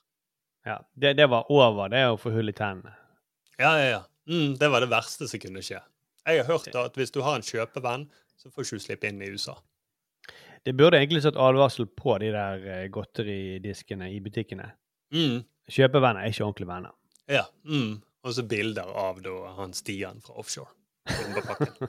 Ja. Og en hvit varebil. ja, og en hvit varebil. Mm. ikke ta imot disse fra en hvit varebil. Nei. Mm. Det burde iallfall stått på de krokodillene. Eh, Ja. Jeg lurer veldig på hva type godteri pedofile gir ut. Altså. Det må være dritgodt. Ja, det må være jævla godt. De, de kan ikke liksom komme inn og så bare vet hva, jeg gi meg det billigste godteriet du har. De må jo Nei, virkelig sånn spandere eh, på Biltemagodteri eller eh, Nei, sant? Jeg ser for meg. De har vært sant? i Sverige og fått noe godteri som de ikke får tak i ellers. For, for Ja, barn, må- barn har jo tilgang på godteri overalt ellers. Ja, jeg tror det må være enten det, eller så må det være sånne store konfektesker. Altså kong Harald og sånt. og så er det flere romkuler inni Ja, kan spise romkuler. Jo, men det er iallfall De sier, hun sier at OK, lille Stian har det ikke så bra. Så han må til psykolog, sier hun. Det vil jeg anbefale. Og Steinar er veldig med og nikker med i begynnelsen på dette. Han Ja, sier han ja, ja, må han, så må han. Og det, For han mener jo at det er noe riv ruskende galt med han gutten. For, for, for Steinar og Stian de har jo ikke så godt forhold. Nei. Som stefedre kanskje ikke alltid har med sine barn. Nei. Eh, Men helt til da eh, hun eh, Moren reagerer litt så negativt. Hun først, Det er ikke han det er noe galt med, det er mobberne det er noe galt med, de som plager han. Mm. Som de Eller finnes tar vel de som tar imot godteriet. Ja, for det har ikke vært noen Hun sier hun frykter at han kan bli mobbet. Ja. Så det, Mm. det har vel ikke vært noen mobbere der ennå. Mm. Men eh, de som potensielt kan mobbe, det er jo de det er noe galt med. Det er vel det hun mener. Ja. Mm. Og så sier eh, Steinar at ja, ja, greit, jeg eh, men, men han overtaler hun Hanne, da, eller hva hun heter, Ja. til Mm. han må gå i terapi. Og så sier læreren fint, da bestiller jeg time til dere alle sammen. Og da får Steinar hakeslepp. Skal han være med i familieterapi? Mm, han Det er jo ikke mitt barn engang. Hva er dette for noe? Ja, det sier han jo rett ut. Ja, han sier det. At det liksom eh, Og da er jo Hanne blir jo oppgitt, selvfølgelig lei seg, og de har jo en liten felles eh, baby. Mm. Eller lite barn sammen. Som du nesten aldri ser. Nei, du ser den veldig lite. Eh, ser mer til den der babyen i Dølle Nord enn denne babyen her. Men det, det er iallfall uh, Det det episoden i stor grad handler om, er liksom uh, Steinar nekter å gå i terapi. Mm -hmm. hun sier på en måte Hanne sier på en måte Nei, du skal det, ellers så er ikke du lenger en del av denne familien her.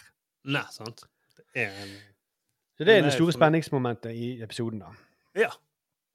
Så er det ute på plattformen, da.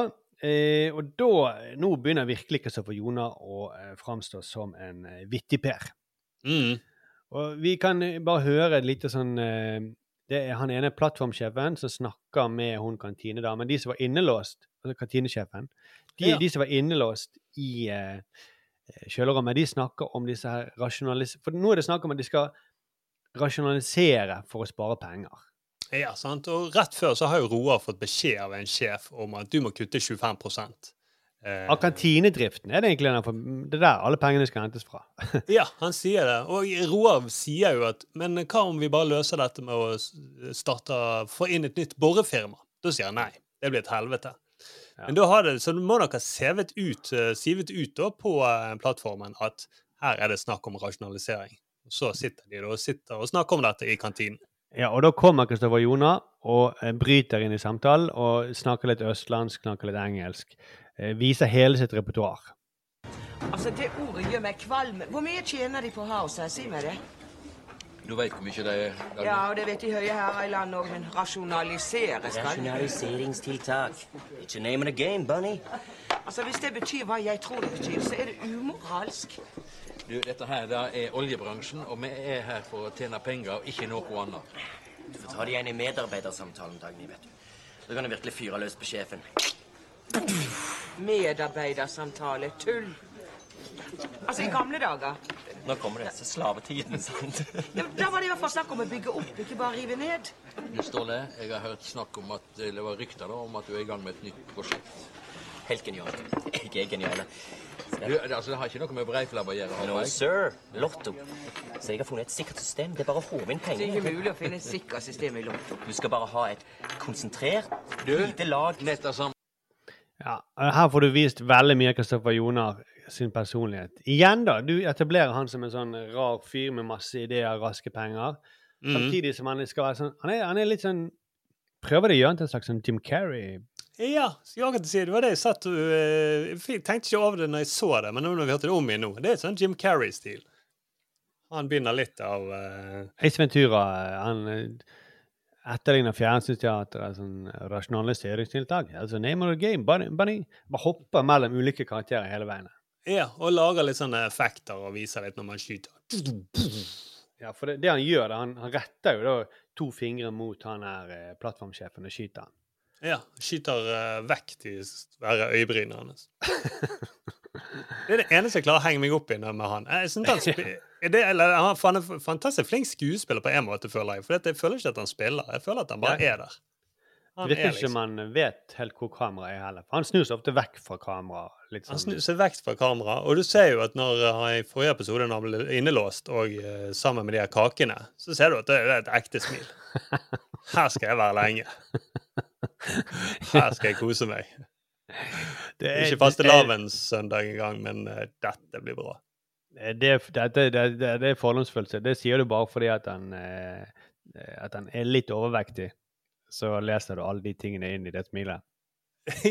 Nei, det gjorde jeg faktisk ikke. Jeg har ikke tenkt at han er overvektig. Jeg bare tenkte at han smilte veldig godt. Han smilte sånn som eh, Han er jo litt eldre enn oss. Han er fra den generasjonen der det ikke var så vanlig med søtsaker. Ja. Mm. Hvis meg og deg for eksempel, hadde vært i Knoll og Totland, så hadde vi gått forbi et vindu der det sto en blåbærpai og skulle avkjøle seg i vinduet. Jeg tror ikke vi hadde vært fristet til å gå bort der. Men han her, plattformsjefen, han eh, har løpt bort med en gang. Ja, Du sier at han levde i en tid hvor det ikke var så mye vanlig med godteri eller søtsaker. Du mener at han vokste opp i en tid. Ja, men men så har han plutselig opp. fått masse penger. Han er jo plattformsjef, så da kan han jo spise hva han vil. Ja, sant. Han, når han var, der han vokste opp på den lille uh, gården, så var det jo ikke noe kjølerom der det var masse eh, kaker. som uh, man ble låst inne på når det brannalarmen gikk. Nei, for da måtte man spise kaken med en gang. Så Ja. var det en måned til neste gang noen laget kake. Men nå kunne man ta vare på kaken, og da kunne man jo Ja. Mm. forsyne seg flere ganger. Ja, for på den tiden så måtte jo han spise kaken i ovnen. Bare for det. I frykt for at han skulle bli dårlig med en gang. Ja. Og så i forlengelsen av dette her, da han får snakke om dette nye lottosystemet som han aldri får forklart, fordi det finnes selvfølgelig til og med de dummeste, mest optimistiske gamblerne vet jo at man kan ikke lage noe system av lotto. Til og med hun ene må jo påpeke at nei, det går ikke an å lage noe system av lotto. Mm, Så, han, selv får, han, ble, han ble alltid avbrutt. Han får aldri sagt liksom, hva er, er planen hans. Eh, som er litt irriterende, for det, det, dette er ikke realistisk. Hadde, hadde han snakket om travhester eller et eller annet sånt, så kunne jeg på en måte trodd på det, men Ja, ja, ja. Jo, jo, det er litt rart. Det er iallfall rart. Men skal vi si på 90-tallet Jeg tenkte at kanskje det finnes et system. Kanskje det er noen tall som eh, går oftere igjen. Jeg hadde håpet det. Så eh, på 90-tallet hadde jeg vært med i Luksusfellen hvis det hadde vært mye forbrukslån, tror jeg. Ja, men du var jo da tolv år på 90-tallet. Ja, Ja, ja, Men det husker jeg jo i VG. De hadde jo faktisk sånn eh, uken, eller Dagbladet, ukens tall. Ukens lottotall. Og Mm. da var det gjerne et tall som ikke hadde vært på lenge. Ja. Så sa nå Og- eh, Og det husker jeg gikk på. Å ja, kanskje fem. Fem har ikke vært på tre uker. Ja, ja. Da er det stor sjanse for at det Men det, sånn, er, sånn funker jo ikke Lotto. Nei. Dessverre. Dessverre, Kristoffer Joner. Ja. Men han er altså en, en skøyer, og litt irriterende. skal Han sier noen ting til han her plattformsjefen. Han sier at plattformsjefen viser fingeren. Og den fingeren den er så skeiv og krokete at det ser ut som han har jobbet ute i Nordsjøen i 50 år. Ja, det ser ut som han har drevet og boret med den fingeren. Boret inn i kakene. Ja. Inn til eh, syltetøyet. Ja. Men eh, Og da så finner Kristoffer Jona han finner fram Eller Ståle, som han heter. da. Mm. Han, eh, OK, de går, de vil ikke høre om det der Lotto-greiene. Og så vinker han over til seg hun nye og dumme, litt dumme Åsa, da. Ja. Og da eh, gjør han noe. Han legger en prompepute på stolen hennes. Og når hun setter seg ned, så skaper det så eh, en voldsom eh, reaksjon i hele eh. Du kan høre. Åsa?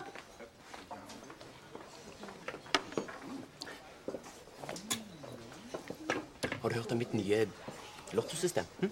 Ja, så har det enda et nytt system? Ja, ja.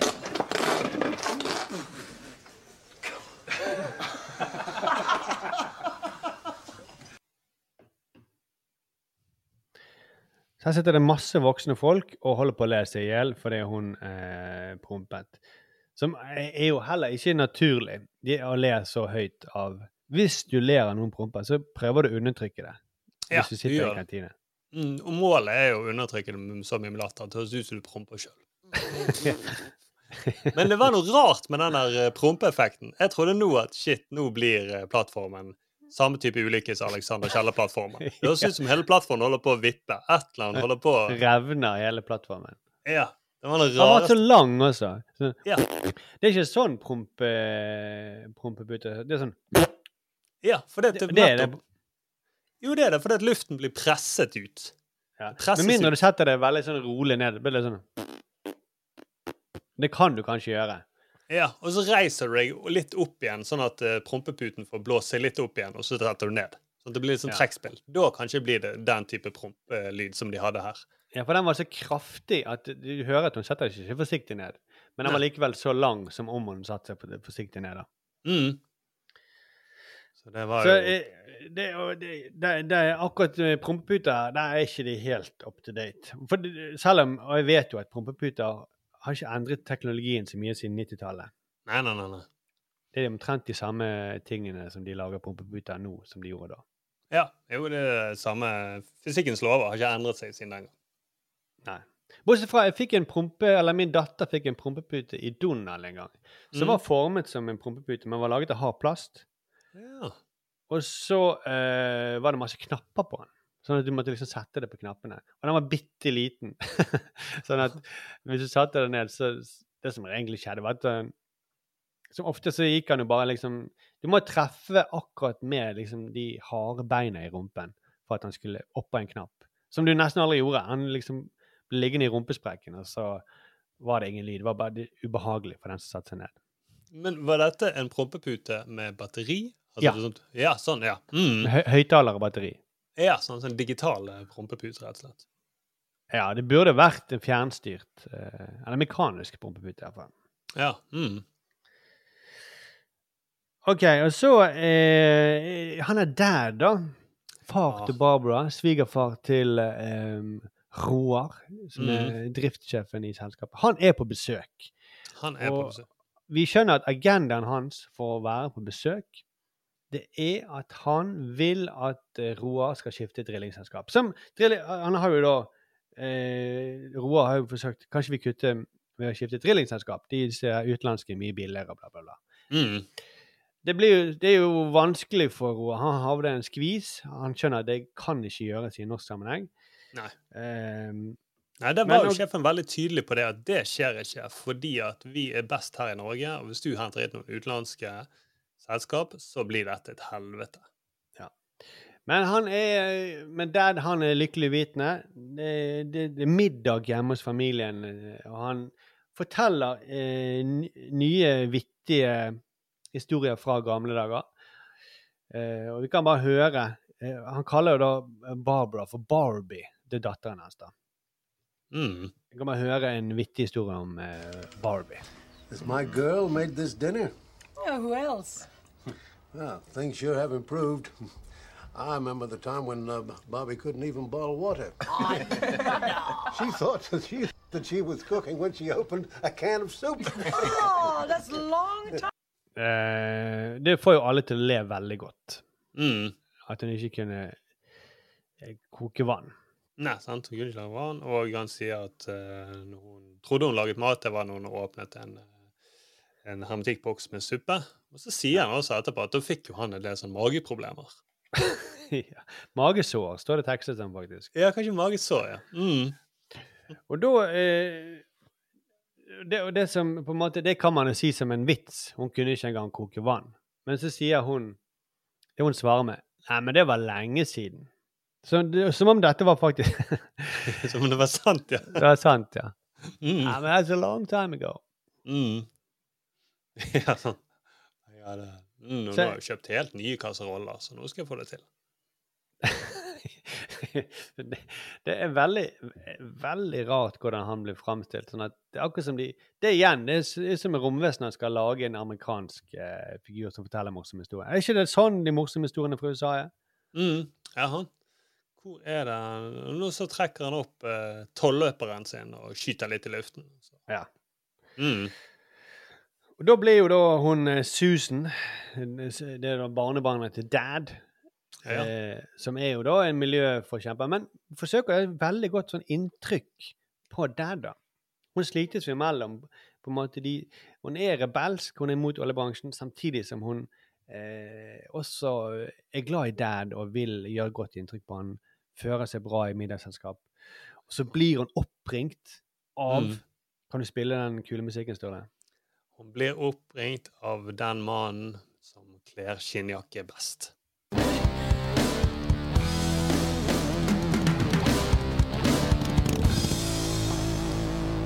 Simon, som Ja. da, eh, spilles av Torbjørn Harr. Og han sier 'møt meg eh, der og der om en halvtime'. Oppe i fjellveien de møtes. da. Mm. Veldig militant, Simon. Vi har jo snakket om det før, men det er sånn fortsatt at han er nesten på eh, linje med sånn inntrykk jeg har FARC-geriljaen og sånne ting. Ja.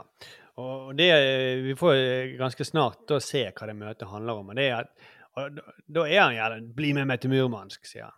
For de skal gjøre et eller annet mil- militærgreier der. Han bare, jeg kan ikke bare dra fra skolen. Og da tar han jo tak i liksom kragen hennes og holder henne liksom. Hei! Mm. Er du med eller ikke? Ja. Og det var vel litt det inntrykket man hadde da, av hvem er det som driver og holder på med og kjemper for naturen på 90-tallet. De er jo litt syke. De er helt syke i hodet. Mm. Han er eh, spinnvill i hodet sitt. Dra opp til Murmansk. Kjører motorsykkel. Eh, bruker hjelm, da. Det gjør han jo. Ja, han bruker hjelm. Det gjør han heldigvis. Men han går og truer mye og veldig, han har ikke respekt for noen. Ja. Så er det rart at han går rundt i skinnjakke. egentlig. Hvis du er natur og ungdom, så på en måte tenk at du ikke går rundt i skinnjakke. Det er jo huden til dyr. Ja, de, de blander Hells Angels og eh, aktivister. da. Ja. Han skulle gått med islender. Det skulle jeg kunne Mm. gått med. Ja, det kunne han gått med. Mm. Og eh, en, Palestinaskjerf eller noe sånt. Ja, sant. Og kanskje bare en sykkel som ikke slipper ut eh, olje og eksos. Jeg tror de blander litt, sånn litt med eh, blitz. Det er et eller annet sånt som det har fått de til å punkere, liksom. Og sånt, som egentlig eh, Ja. Det, det er det som forvirrer litt for disse serieskaperne. Ja, og Hvis selvmordsbombere hadde vært vanlig på 90-tallet, så hadde han gått rundt med sånn bombebelte også. Og fått klistre på alt som var eh, farlig. Og Susan sier jo at jeg kan ikke bare dra vekk herfra, og dessuten så skal jeg jo dra til USA, for det er jo det hun har lyst til. Hun har lyst til å bli påspandert reise til USA av Barbara. Ja. California. Det er det han skal. Mm.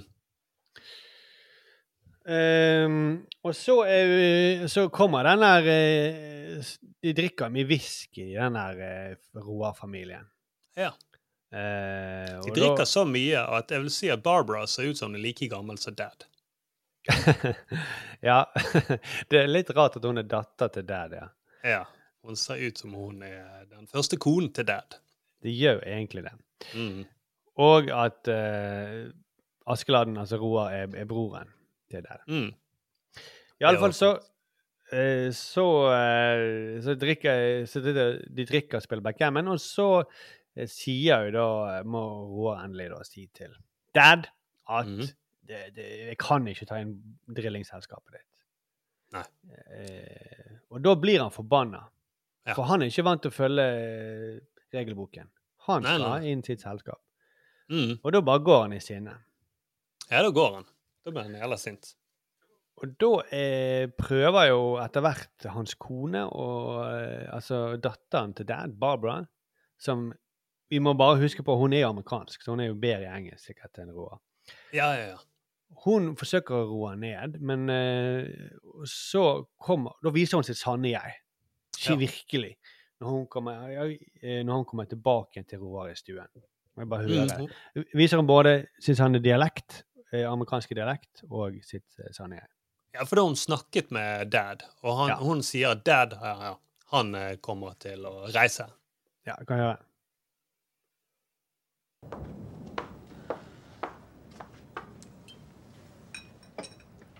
Skjenker seg litt uh, scotch. Eller bourbon. Har du snakket med ham? Han reiser i morgen tidlig. Herregud. Ja, nå har du prestert det helt store råer. Well done. Jeg hadde ikke noe valg. Det er din mening. Det er sannheten. Ja, Da er det vel ikke noe mer å snakke om? da? Jeg syns kanskje også at du har satset på feil hest. Det var dine ord. Han kommer til å ombestemme seg i morgen. Bare vent.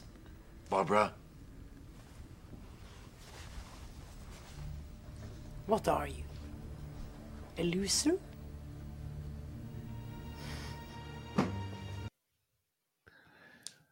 Vel, eh, jeg vet, jeg vet ikke hvor i USA hun helt er fra. Eh, men det er veldig amerikansk å, liksom gå What are you? A loser? Eller what Mm. are you? A loser? Mm. Loser. Jeg tror hun er fra den delstaten eh, Fornebu flyplass. Så nevnt var det USA hun kom. Ja. Eller Alabama. Mm, eller Alabama. Det kan være det også. Og jeg, er, hvis man hører det godt, men akkurat før hun skal kalle Roar for loser, så kommer den der eh, offshore eh, creepy musikken smygende inn, så du skjønner ok, her skjer det noe. Ja. Det er hun som viser sitt sanne jeg. Hun bare Er du en taper, eller? Som ikke vil ta Ikke vil uh, gjøre som dad sier. Hun følger, følger reglene. Ja, sant. Er du en taper som ikke skal bli påspandert reise til California? Ja. Og det er jo også mye sånn eh, han- For pappaen, han dad, sier «Ei, du, skylder, du skylder meg. Jeg, du var nobody, og jeg fikk deg opp eh, til der du er. Og eh, du giftet deg med datteren min. Jeg ga, ga deg datteren min. Så det er Mm. veldig sånn eh, Veldig sånn eh, Nesten sånn 1800-talls eh, eh, måte å tenke eh, både døtre og business på. Jo, men og det passer jo med forrige episode hvor han hadde de morsomme historiene når han drev og boret etter olje, og så sprutet det olje rundt på han. Og han Ja. sang da 'There's no business like oil business'. Iallfall så, eh, så ender det og Det er masse sidehistorier. Det skjer jo veldig, veldig mye hele tiden uten at det egentlig skjer så veldig mye. Og disse her Mm. kjedelige par i nord, jeg vet ikke hvor mye tid vi skal bruke på de. Eh, Det er jo veldig kjedelig. Det, det er noen svigermoren hun er like dum som hun alltid har vært. Ja. Og det er, det er konflikt, liksom. Med, de bor jo sammen med disse gamlingene på den gården. Mm. Og har en baby, og bestemoren får ikke lov til å ta seg av babyen sånn som hun vil, og bla, bla, bla. Og så kommer det nå fram at uh, hun eh, moren av Charlotte, hun uh, sier at vi skal ikke døpe han vel. Og det er et sjokk for han eh, faren. Ja, for Gunnar, ja. Mm. Gunnar. Oi, det ble, når mine foreldre får høre det, da blir det månelyst. Ja. Mm. Ja. Charlotte hun vil ha navnefest, og hun sier da Og Gunnar sier at OK, jeg skal ta på meg dette og fortelle dem at det ikke blir barnedåp. Og det, så det er kort fortalt det som skjer. Det- Utviklingen i Steinar og Stian og psykologgreien er jo da at Steinar han, blir, han går jo fram og tilbake her. Eh, han møter ikke opp for å møte sin elskerinne, Nei. som er Mette Mie Gunnarsen. Mm. Eh, fordi han er hjemme, skifter bleie på sin baby, Ja. eh, og han, eh, han krangler eh, med sin kone om de skal gå i familieterapi. Ja. Og så til slutt så sier han OK, jeg, eh, jeg blir med. Ja. Mm. Nå tenker man jo kanskje oi, kanskje det er noe godt i, sti, i Steinar. Han, han, han vil ta et tak og forsøke å redde familien. Og, Ja. og ikke møte hun elskerinnen sin. Mm. Jeg syns jeg sitter og håper Eller jeg liker jo litt når Steinar er badassen, da. Men samtidig så En del av det Du får jo vondt av lille Stian. Han sier jo at uh, de driver jo bare krangler, og det er på grunn av han. Og han har jo mest lyst til å flytte opp til han faren da, som eh, døde i denne fiktive helikopterulykken. Og i tillegg så ringer han jo til Torbjørn Lindbekk, som er storebroren. Ja. Og Mm. han driver nå og pusser opp Storebroren til Steinar, altså. Mm. Storebror Storebror til Steinar, mener jeg. Ja. Så onkel, onkelen sin, Ja. eh, som han liker mye bedre enn Steinar. Mm. Og eh, han, eh, driver, han driver og liksom flytter inn et eller annet nytt onkels eh, loft og hører på jazz og driver og snekrer litt og skrur sammen møbler. Og blir Mm. Han leser ikke, han leser ikke Agent X9. Er skuffende. Nei, kanskje ikke fått den kassen med blader opp ennå. Nei, det er sånn jeg også velger å tolke det. Og så eh, der, Det kommer jo fram at eh, Stian savner han, at han vil ha en farsfigur. Kanskje Torbjørn, du kan eh, komme over og hjelpe med å fikse kranen. Mm. Eh, Fellesprosjektet til Stian og Torbjørn. Ja. Ja, for det, det, er ikke, det er ikke kranen som dripper, det er noen sånn legokran. Det er en legokran som de laget i forrige episode, da de hadde sånn bonding, der Torbjørn Lindbekk oppførte seg mer som en pappa eller stefar enn det Steinar kanskje noen gang har gjort. Ja. Men Torbjørn han vil ikke komme igjen. Han vil, mener Steinar du, ja, Steinar kan fikse det. Ja, Steinar kan fikse det. Men han får, når han legger på, så får han likevel sånn ettertenksomt øye, sånn blikk i øynene. Det er noe med han Stian. Stakkars. Ja. Mm.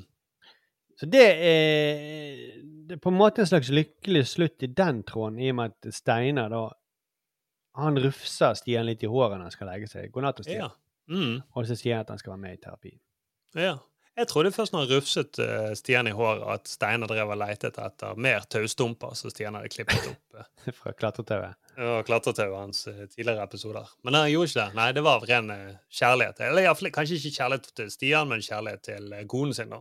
Ja. Men jeg så at han fant noe godteri oppi det håret. Ja. Mm. Så det betyr at uh, Stian kommer nok til å gå venneløs uh, dagen etterpå.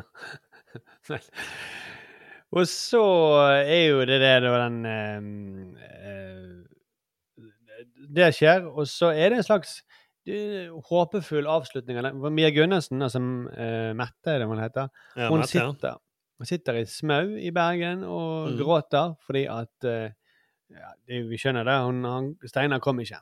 Nei. Og så kommer da Svein, Ja, god hyggelig Svein, forbi og Mm. lurer på liksom ja, hvordan eh, eh, Hva går, er det med deg? Og sånt, og han gjennomskuer jo da at hadde- hun selv om hun sier det går bra, så ser jo han at det, det går ikke bra. Nei. Og da sier hun du skulle vært jente, du, Svein. Mm. Eh, jeg vet ikke helt hva jeg mener med det, at det er et slags frampek om at uh, han spilles av en homofil mann, eh, er det det? Ja, sånn som kanskje ikke på den tiden han kom ut av skapet. Mm. Nei. Nei, jeg vet Jo, er han Nei, det vet jeg ikke. Jo, nei, det, det, det er ikke peiling. Nei, det er litt rart at du sier det, men det er vel fordi at hun tenker at uh, han, skulle, skulle, hun skulle, han skulle vært en god venninne? Er det det? Ja, han er som en god Mm. venninne.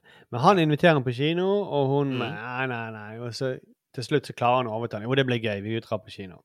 Ja, Spiser popkorn. Ja, og, øh, Eller ikke popkorn, ble det vel enige om. Bare Ja, kanskje det ble ikke popkorn. Ja. Mm, I og med at de var to jenter, så kan ikke de spise sånn fettholdig. Nei, det vet ikke jeg. Jeg er ikke jente, så jeg vet ikke.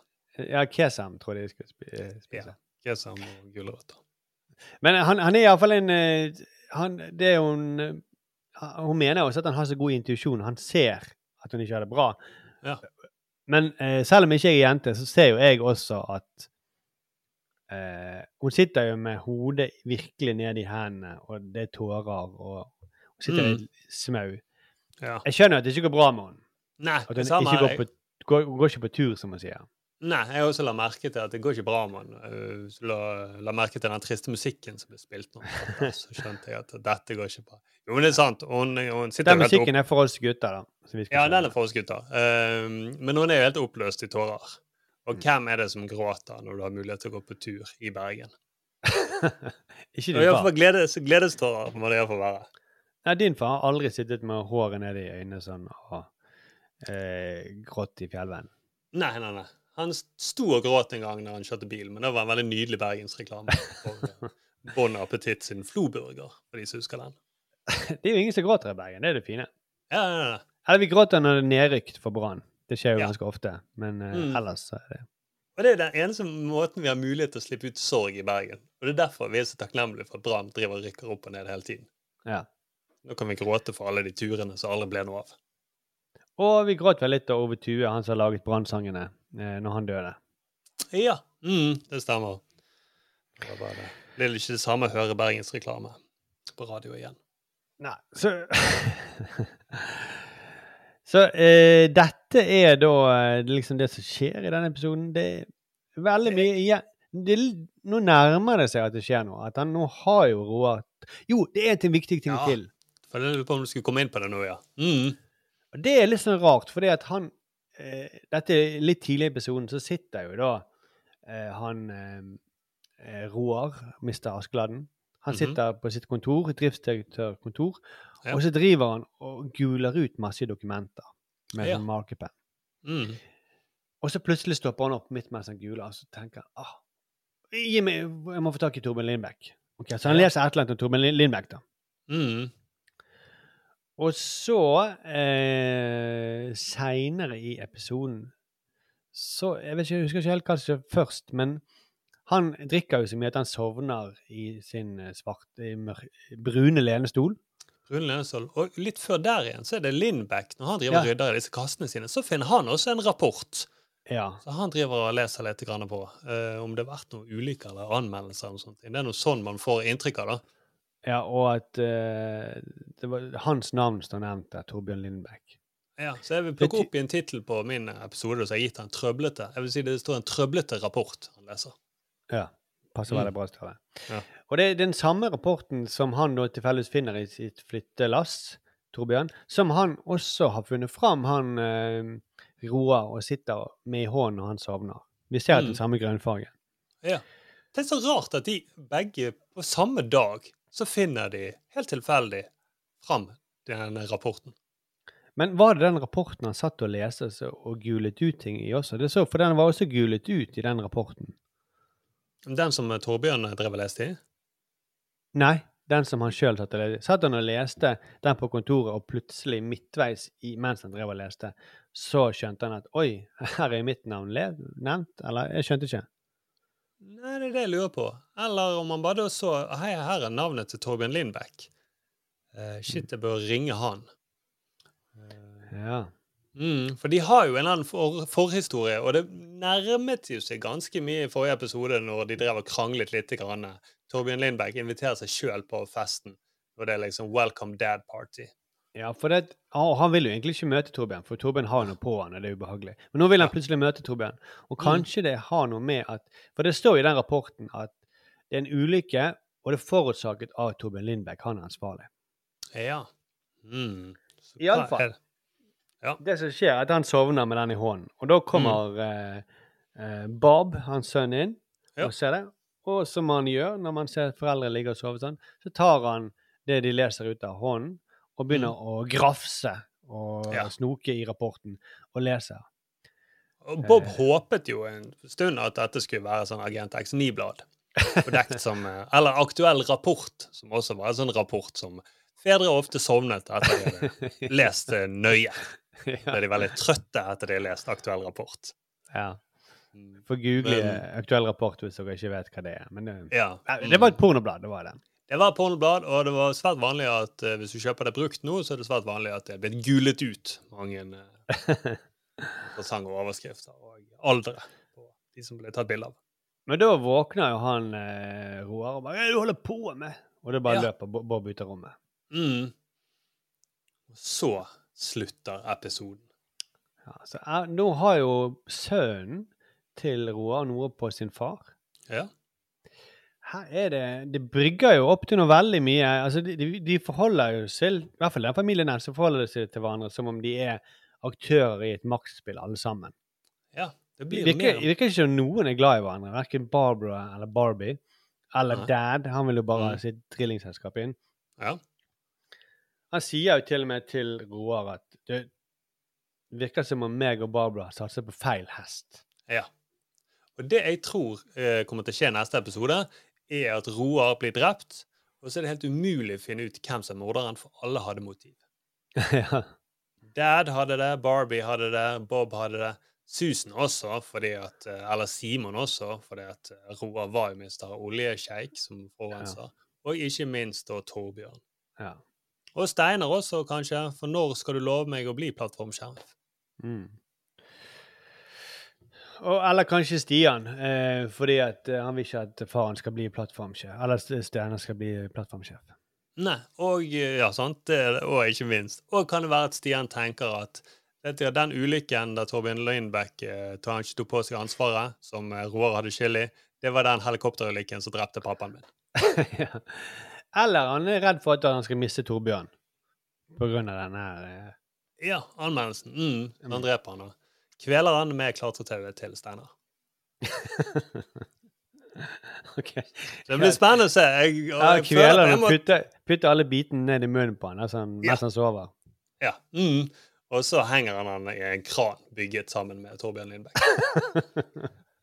Jeg føler på en måte at vi bygget opp veldig denne episoden nå. Ja, det er Eh, jævlig kjedelig. Det skjer Ja, ja. ingenting. Nei, nei, nei, nei. Men neste episode, i- i- ifølge våre beregninger, så kommer det til å være tidenes episode. det må bli det. Ellers må må vi bli- finne noe annet å se fra begynnelsen. Ja, ja, vi må jo det. Men eh, svar helt ærlig, Markus. Du så jo denne serien, dokumentaren om eh, 2000-tallet, blant annet HBO. Var det snakk om offshore der? Og denne Nei. episoden eh, som vi mener bør komme. Nei, eh, og det var jo heller ingen eh, Det var jo heller ingen sånne eh, gode historier om at du kunne ikke koke vann engang. Selv om det var på amerikansk. Å, herregud. Ingen dad som fortalte det vitsene. Nei. Barbie kan ikke koke vann. Eller det var ikke vits, det var jo en, var jo en faktisk historie. Ja, det var en sann historie. Mm. Vi, that vi was a long time ago. That was a long time ago. Vi må lukke uh, offshore, og så uh, Nå må det skje noe før episode åtte. Ja. Krever det.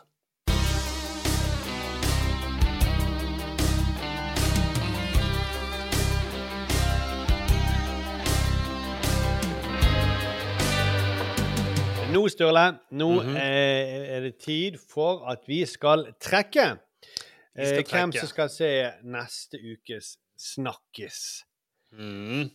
Og det, jeg har jo funnet et, akkurat som Ståle i Offshore, så har jeg funnet et idiotsikkert system, sånn at det Sånn aldri blir valgt. Det aldri blir valgt, jeg. Eh, Shit. For nå håper jeg Altså, jeg fikk jo det nå, og statistisk sett så skal det være helt umulig at det blir meg to ganger på rad. Og hva skal vi Eh. se, da? Det, hva kommer til å bli ukens snakkis, tror du? Ja, vi har snakket litt frem og tilbake, og det er jo bare én kandidat. Mm. Er Maskorama. Det er Maskorama. Og jeg trodde du skulle si Offshore eh, episode 8. Ja, men det er faktisk Det er faktisk Maskorama. Det, eh, gå inn på forsiden til nrk.no. Du kommer til å se at det er tidenes eh, Jeg tror det er vanskelig å unngå å se det eller å høre noe om det. Sånn at eh, eh, den som må se det, da, den må jo da teste om dette funker like bra uten Eller kanskje man skal sitte og se det med munnbind. Det, det, det kommer litt an på. Kanskje Ja. man må ta på munnbind underveis for å få den samme opplevelsen. Samme feelingen. Tror du forresten, når man lanserer noe Maskorama, tror du at det kommer til å være et tema i Lindmo også? At en av disse med maskene snakker ut om den vonde tiden? Ja, eh, i alle fall en i eh, dommerpanelet kommer kanskje til å snakke litt om Ja, sant. Mm. at de, den gangen de falt på hodet og, og ble lam Ble lam og eh, falt ned og knakk ryggen. fra taket.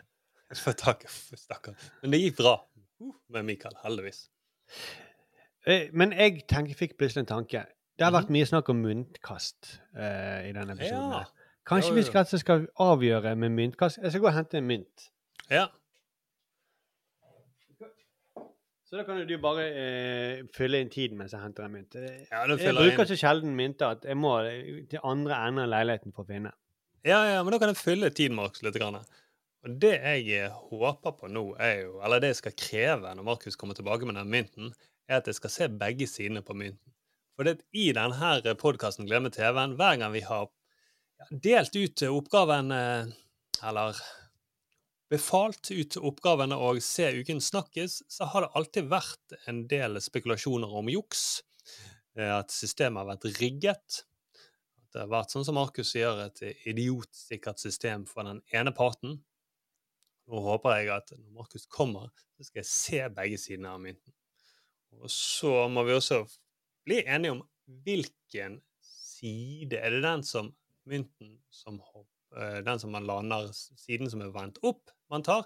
Eller er det sånn at Markus knipser den, griper med den ene hånden, smeller mynten ned på håndbaken, og så det er den siden da som står opp? Se, nå har Markus noen Her mynter. har vi Der. Her har du. Og da, stedet. da har jeg sagt til alle som Jeg har hørt det- alt du har snakket om. For jeg har Ja, for du har sånne- headset. Ja, så bra. Ja, All det som man hører på internett. Ja, ja, ja. Ja, hva er disse heads og tails her, da, på disse her eh, kronestykkene? Det er vanskelig å si. Jeg må ta ja. Ta et eller annet så du kan se et hode. Og så, og Det er iallfall hodet, og det andre er har ikke Det går så dårlig med oss nå at Vent litt. Ja. Dette er en eh, Her er det Ja! Dette er quarter of a dollar Quarter. Amerikansk quarter. All right. Hva er den? Vis den ene siden, og så vis den andre siden. Her er det jo da In God We Trust. Dette her er vel Jeg får se. Heads? Ja, ja, heads. -hmm. ja, det er hodet til en av de. Kanskje det- George Washington, er det det? Ja, det er Walter Benjamin eller noe sånt. Og, og så er det Dette er den andre Old Man of the Mountain. Et eller annet kartgreie eller noe sånt. Kartgreie. Så det er hodet, og så det andre er mountain. da. Ja, Tails heter det. Tails, ja. Mhm. OK, og du lurte på Jeg skal flippe den opp. Ja, hva, hva blir regelen? Sånn, du flipper den opp, og så griper du den, og så er det du smekker den ned Ja. Er bra vi får øve oss litt på dette, da. Ok, det, de ser mye enklere ut. Arild sa det var så tullete, men det er jo proffe folk som gjør dette på fotballkamper. Ja, sånn. Sånn. Og så legger jeg den oppå der. Mhm. Og så må vi bli enige om hvem som, er, hvem som velger hva. Ja, ja. På. Men det, det er bare Ja. Det, er- Ja, men jeg, det- tror, det- jeg trodde du var så drevet i det. Jeg trodde du bare ville bli ferdig med det med en gang. Nei, men jeg legger den oppå håndbaken, og så når jeg tar vekk eh, Ja. hånden Så, ja. Mm, så, så velger du he heads or tails. OK, jeg velger tails. OK. Det var det jeg håpet du skulle si. Nei. OK, er du klar? Mhm. Så du smekker den oppå? Ja. Mhm. Hva ble det? Jeg klarer ikke å se. Heads. Så da må du se Maskorama, da? Nei, da er det jeg som får lov til å velge I fotballkamper det er det de som får lov til å velge velge side. Sorry. Jo, det er jo sånn i fotballkamper. Nei, det er du som må Du må se Nei, jeg, jeg vant jo myntkastet. Nei, men da, er ikke, da må vi gjøre det en gang til hvis det er det, for ellers driver du bare tuller. Nei, du trenger ikke gjøre det. Jo, jo, Jeg. Jeg skal, jeg skal se, jeg skal se Maskorama. Yes, nada. Jeg har aldri sett Maskorama. Aldri lyst til å se Maskorama. Hvis det er ett program jeg hater, så er det Maskorama. Uh, Men du har ikke sett det? Nei, det er det, og det er det jeg skulle si. at Det er jo sikkert fordi det har vært så jævla mye hypet rundt. Og folk har vært så euforiske i gangene i NRK. 'Å, nå er det Maskorama. Gud, så kjekt'. Ja, men da vet du hva da, Sturle? Da syns jeg faktisk at du bør se Maskorama òg. Jeg skal se Maskorama. Nei da. Jeg skal se Maskorama. Det tar bare det? to timer av ditt liv eh, når du egentlig har lyst til å slappe av. Du har lyst til å slappe av. Men du sitter jo og lurer, sant? Du, du blir jo lurt. Og det har vi snakket om før. De kunne bare hatt en boks med spørsmålstegn på, på scenen. Og du ville, hva, hva er det i boksen? Hva jeg vet ikke, jeg vet ikke. Og det blir mer og mer spennende for hver uke. Ja, Fordi denne sangkonkurransen har jo egentlig ingenting Det er jo veldig kjedelig. At de synger, det, det har ikke noe med greiene å gjøre. Nei. Det er bare for å fylle Mm. tid. Ja, ja, ja. Nei, jeg er veldig glad at du skal få lov til å se det. Ja. Jeg må nok se det uansett, fordi min datter er helt Maskorama-gal. For det er det jeg også frykter. Jeg vil ikke at noen i min familie skal begynne å se Maskorama. For da har vi det gående. Hvis de er på det kjøret der, da er det luksusfellen neste, føler jeg. Da kommer dere til å laste ned Maskorama-podkasten og Mm. Det er litt sånn irriterende, for da, da føler jeg at å ja, faen, NRKs eh, manipulerende sånn, eh, strategi for å nå målgrupper funker på meg. Ja, det gjør jo det, da.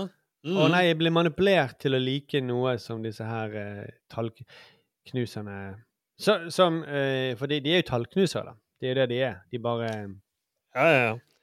De har kjøpt et eh, si, eh, designerdop fra Jeg vet ikke hvor det kommer fra. Er det Sør-Korea det kommer fra, eller via der til USA, og så kommer det til Norge? Ja. Så OK, eh, jeg skal se Maskorama. Greit. Yes. Og så ja. håper vi at uh, vi får tilbake Arild kommer vel ikke tilbake på, fra ferie med en gang. Uh, men uh, kanskje Thomas kommer tilbake.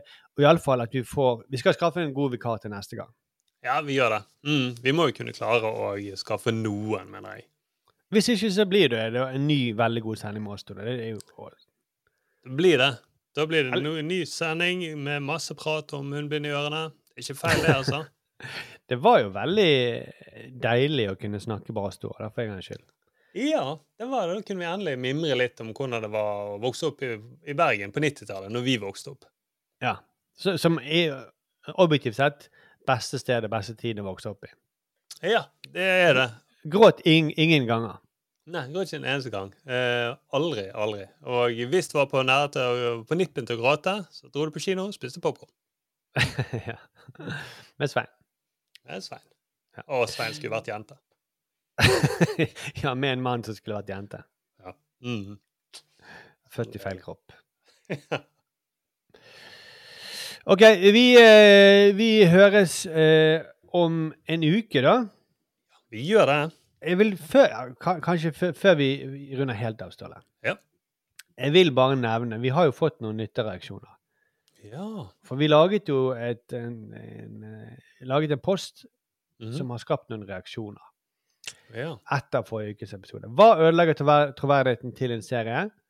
Eh, Det det var du som laget denne posten. Ja, ja, ja.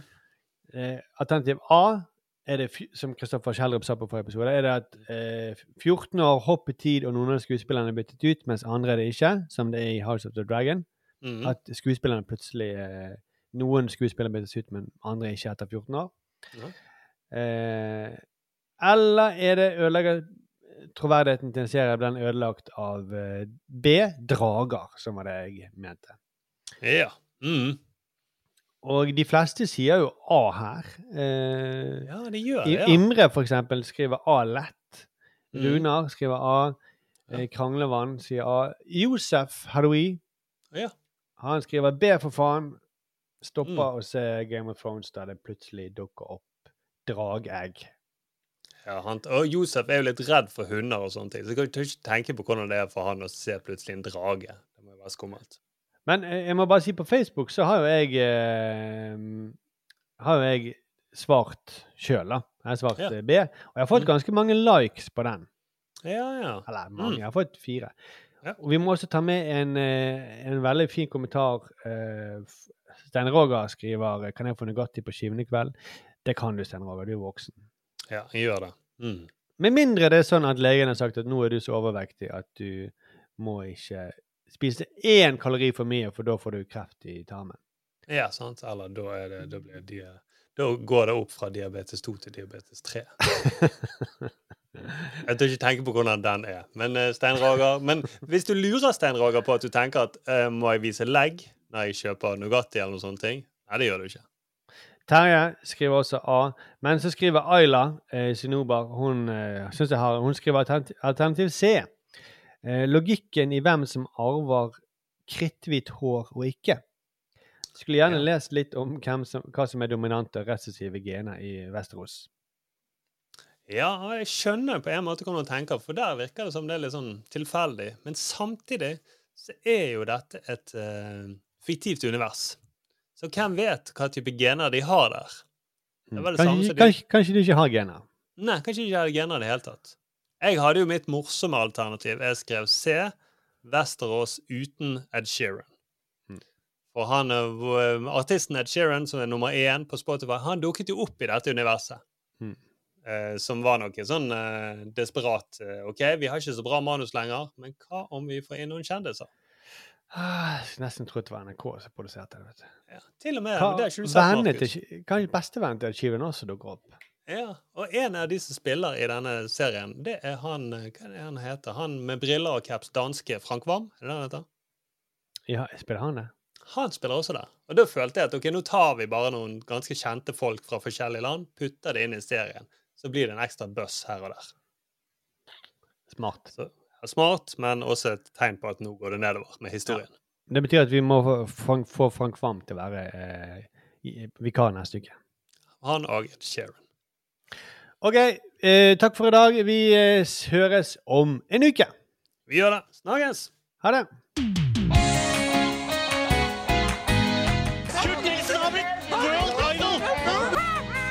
Det gjør ikke Ja, jeg. brøler gjerne! Det var helt ærlig, så jeg ikke smakte der.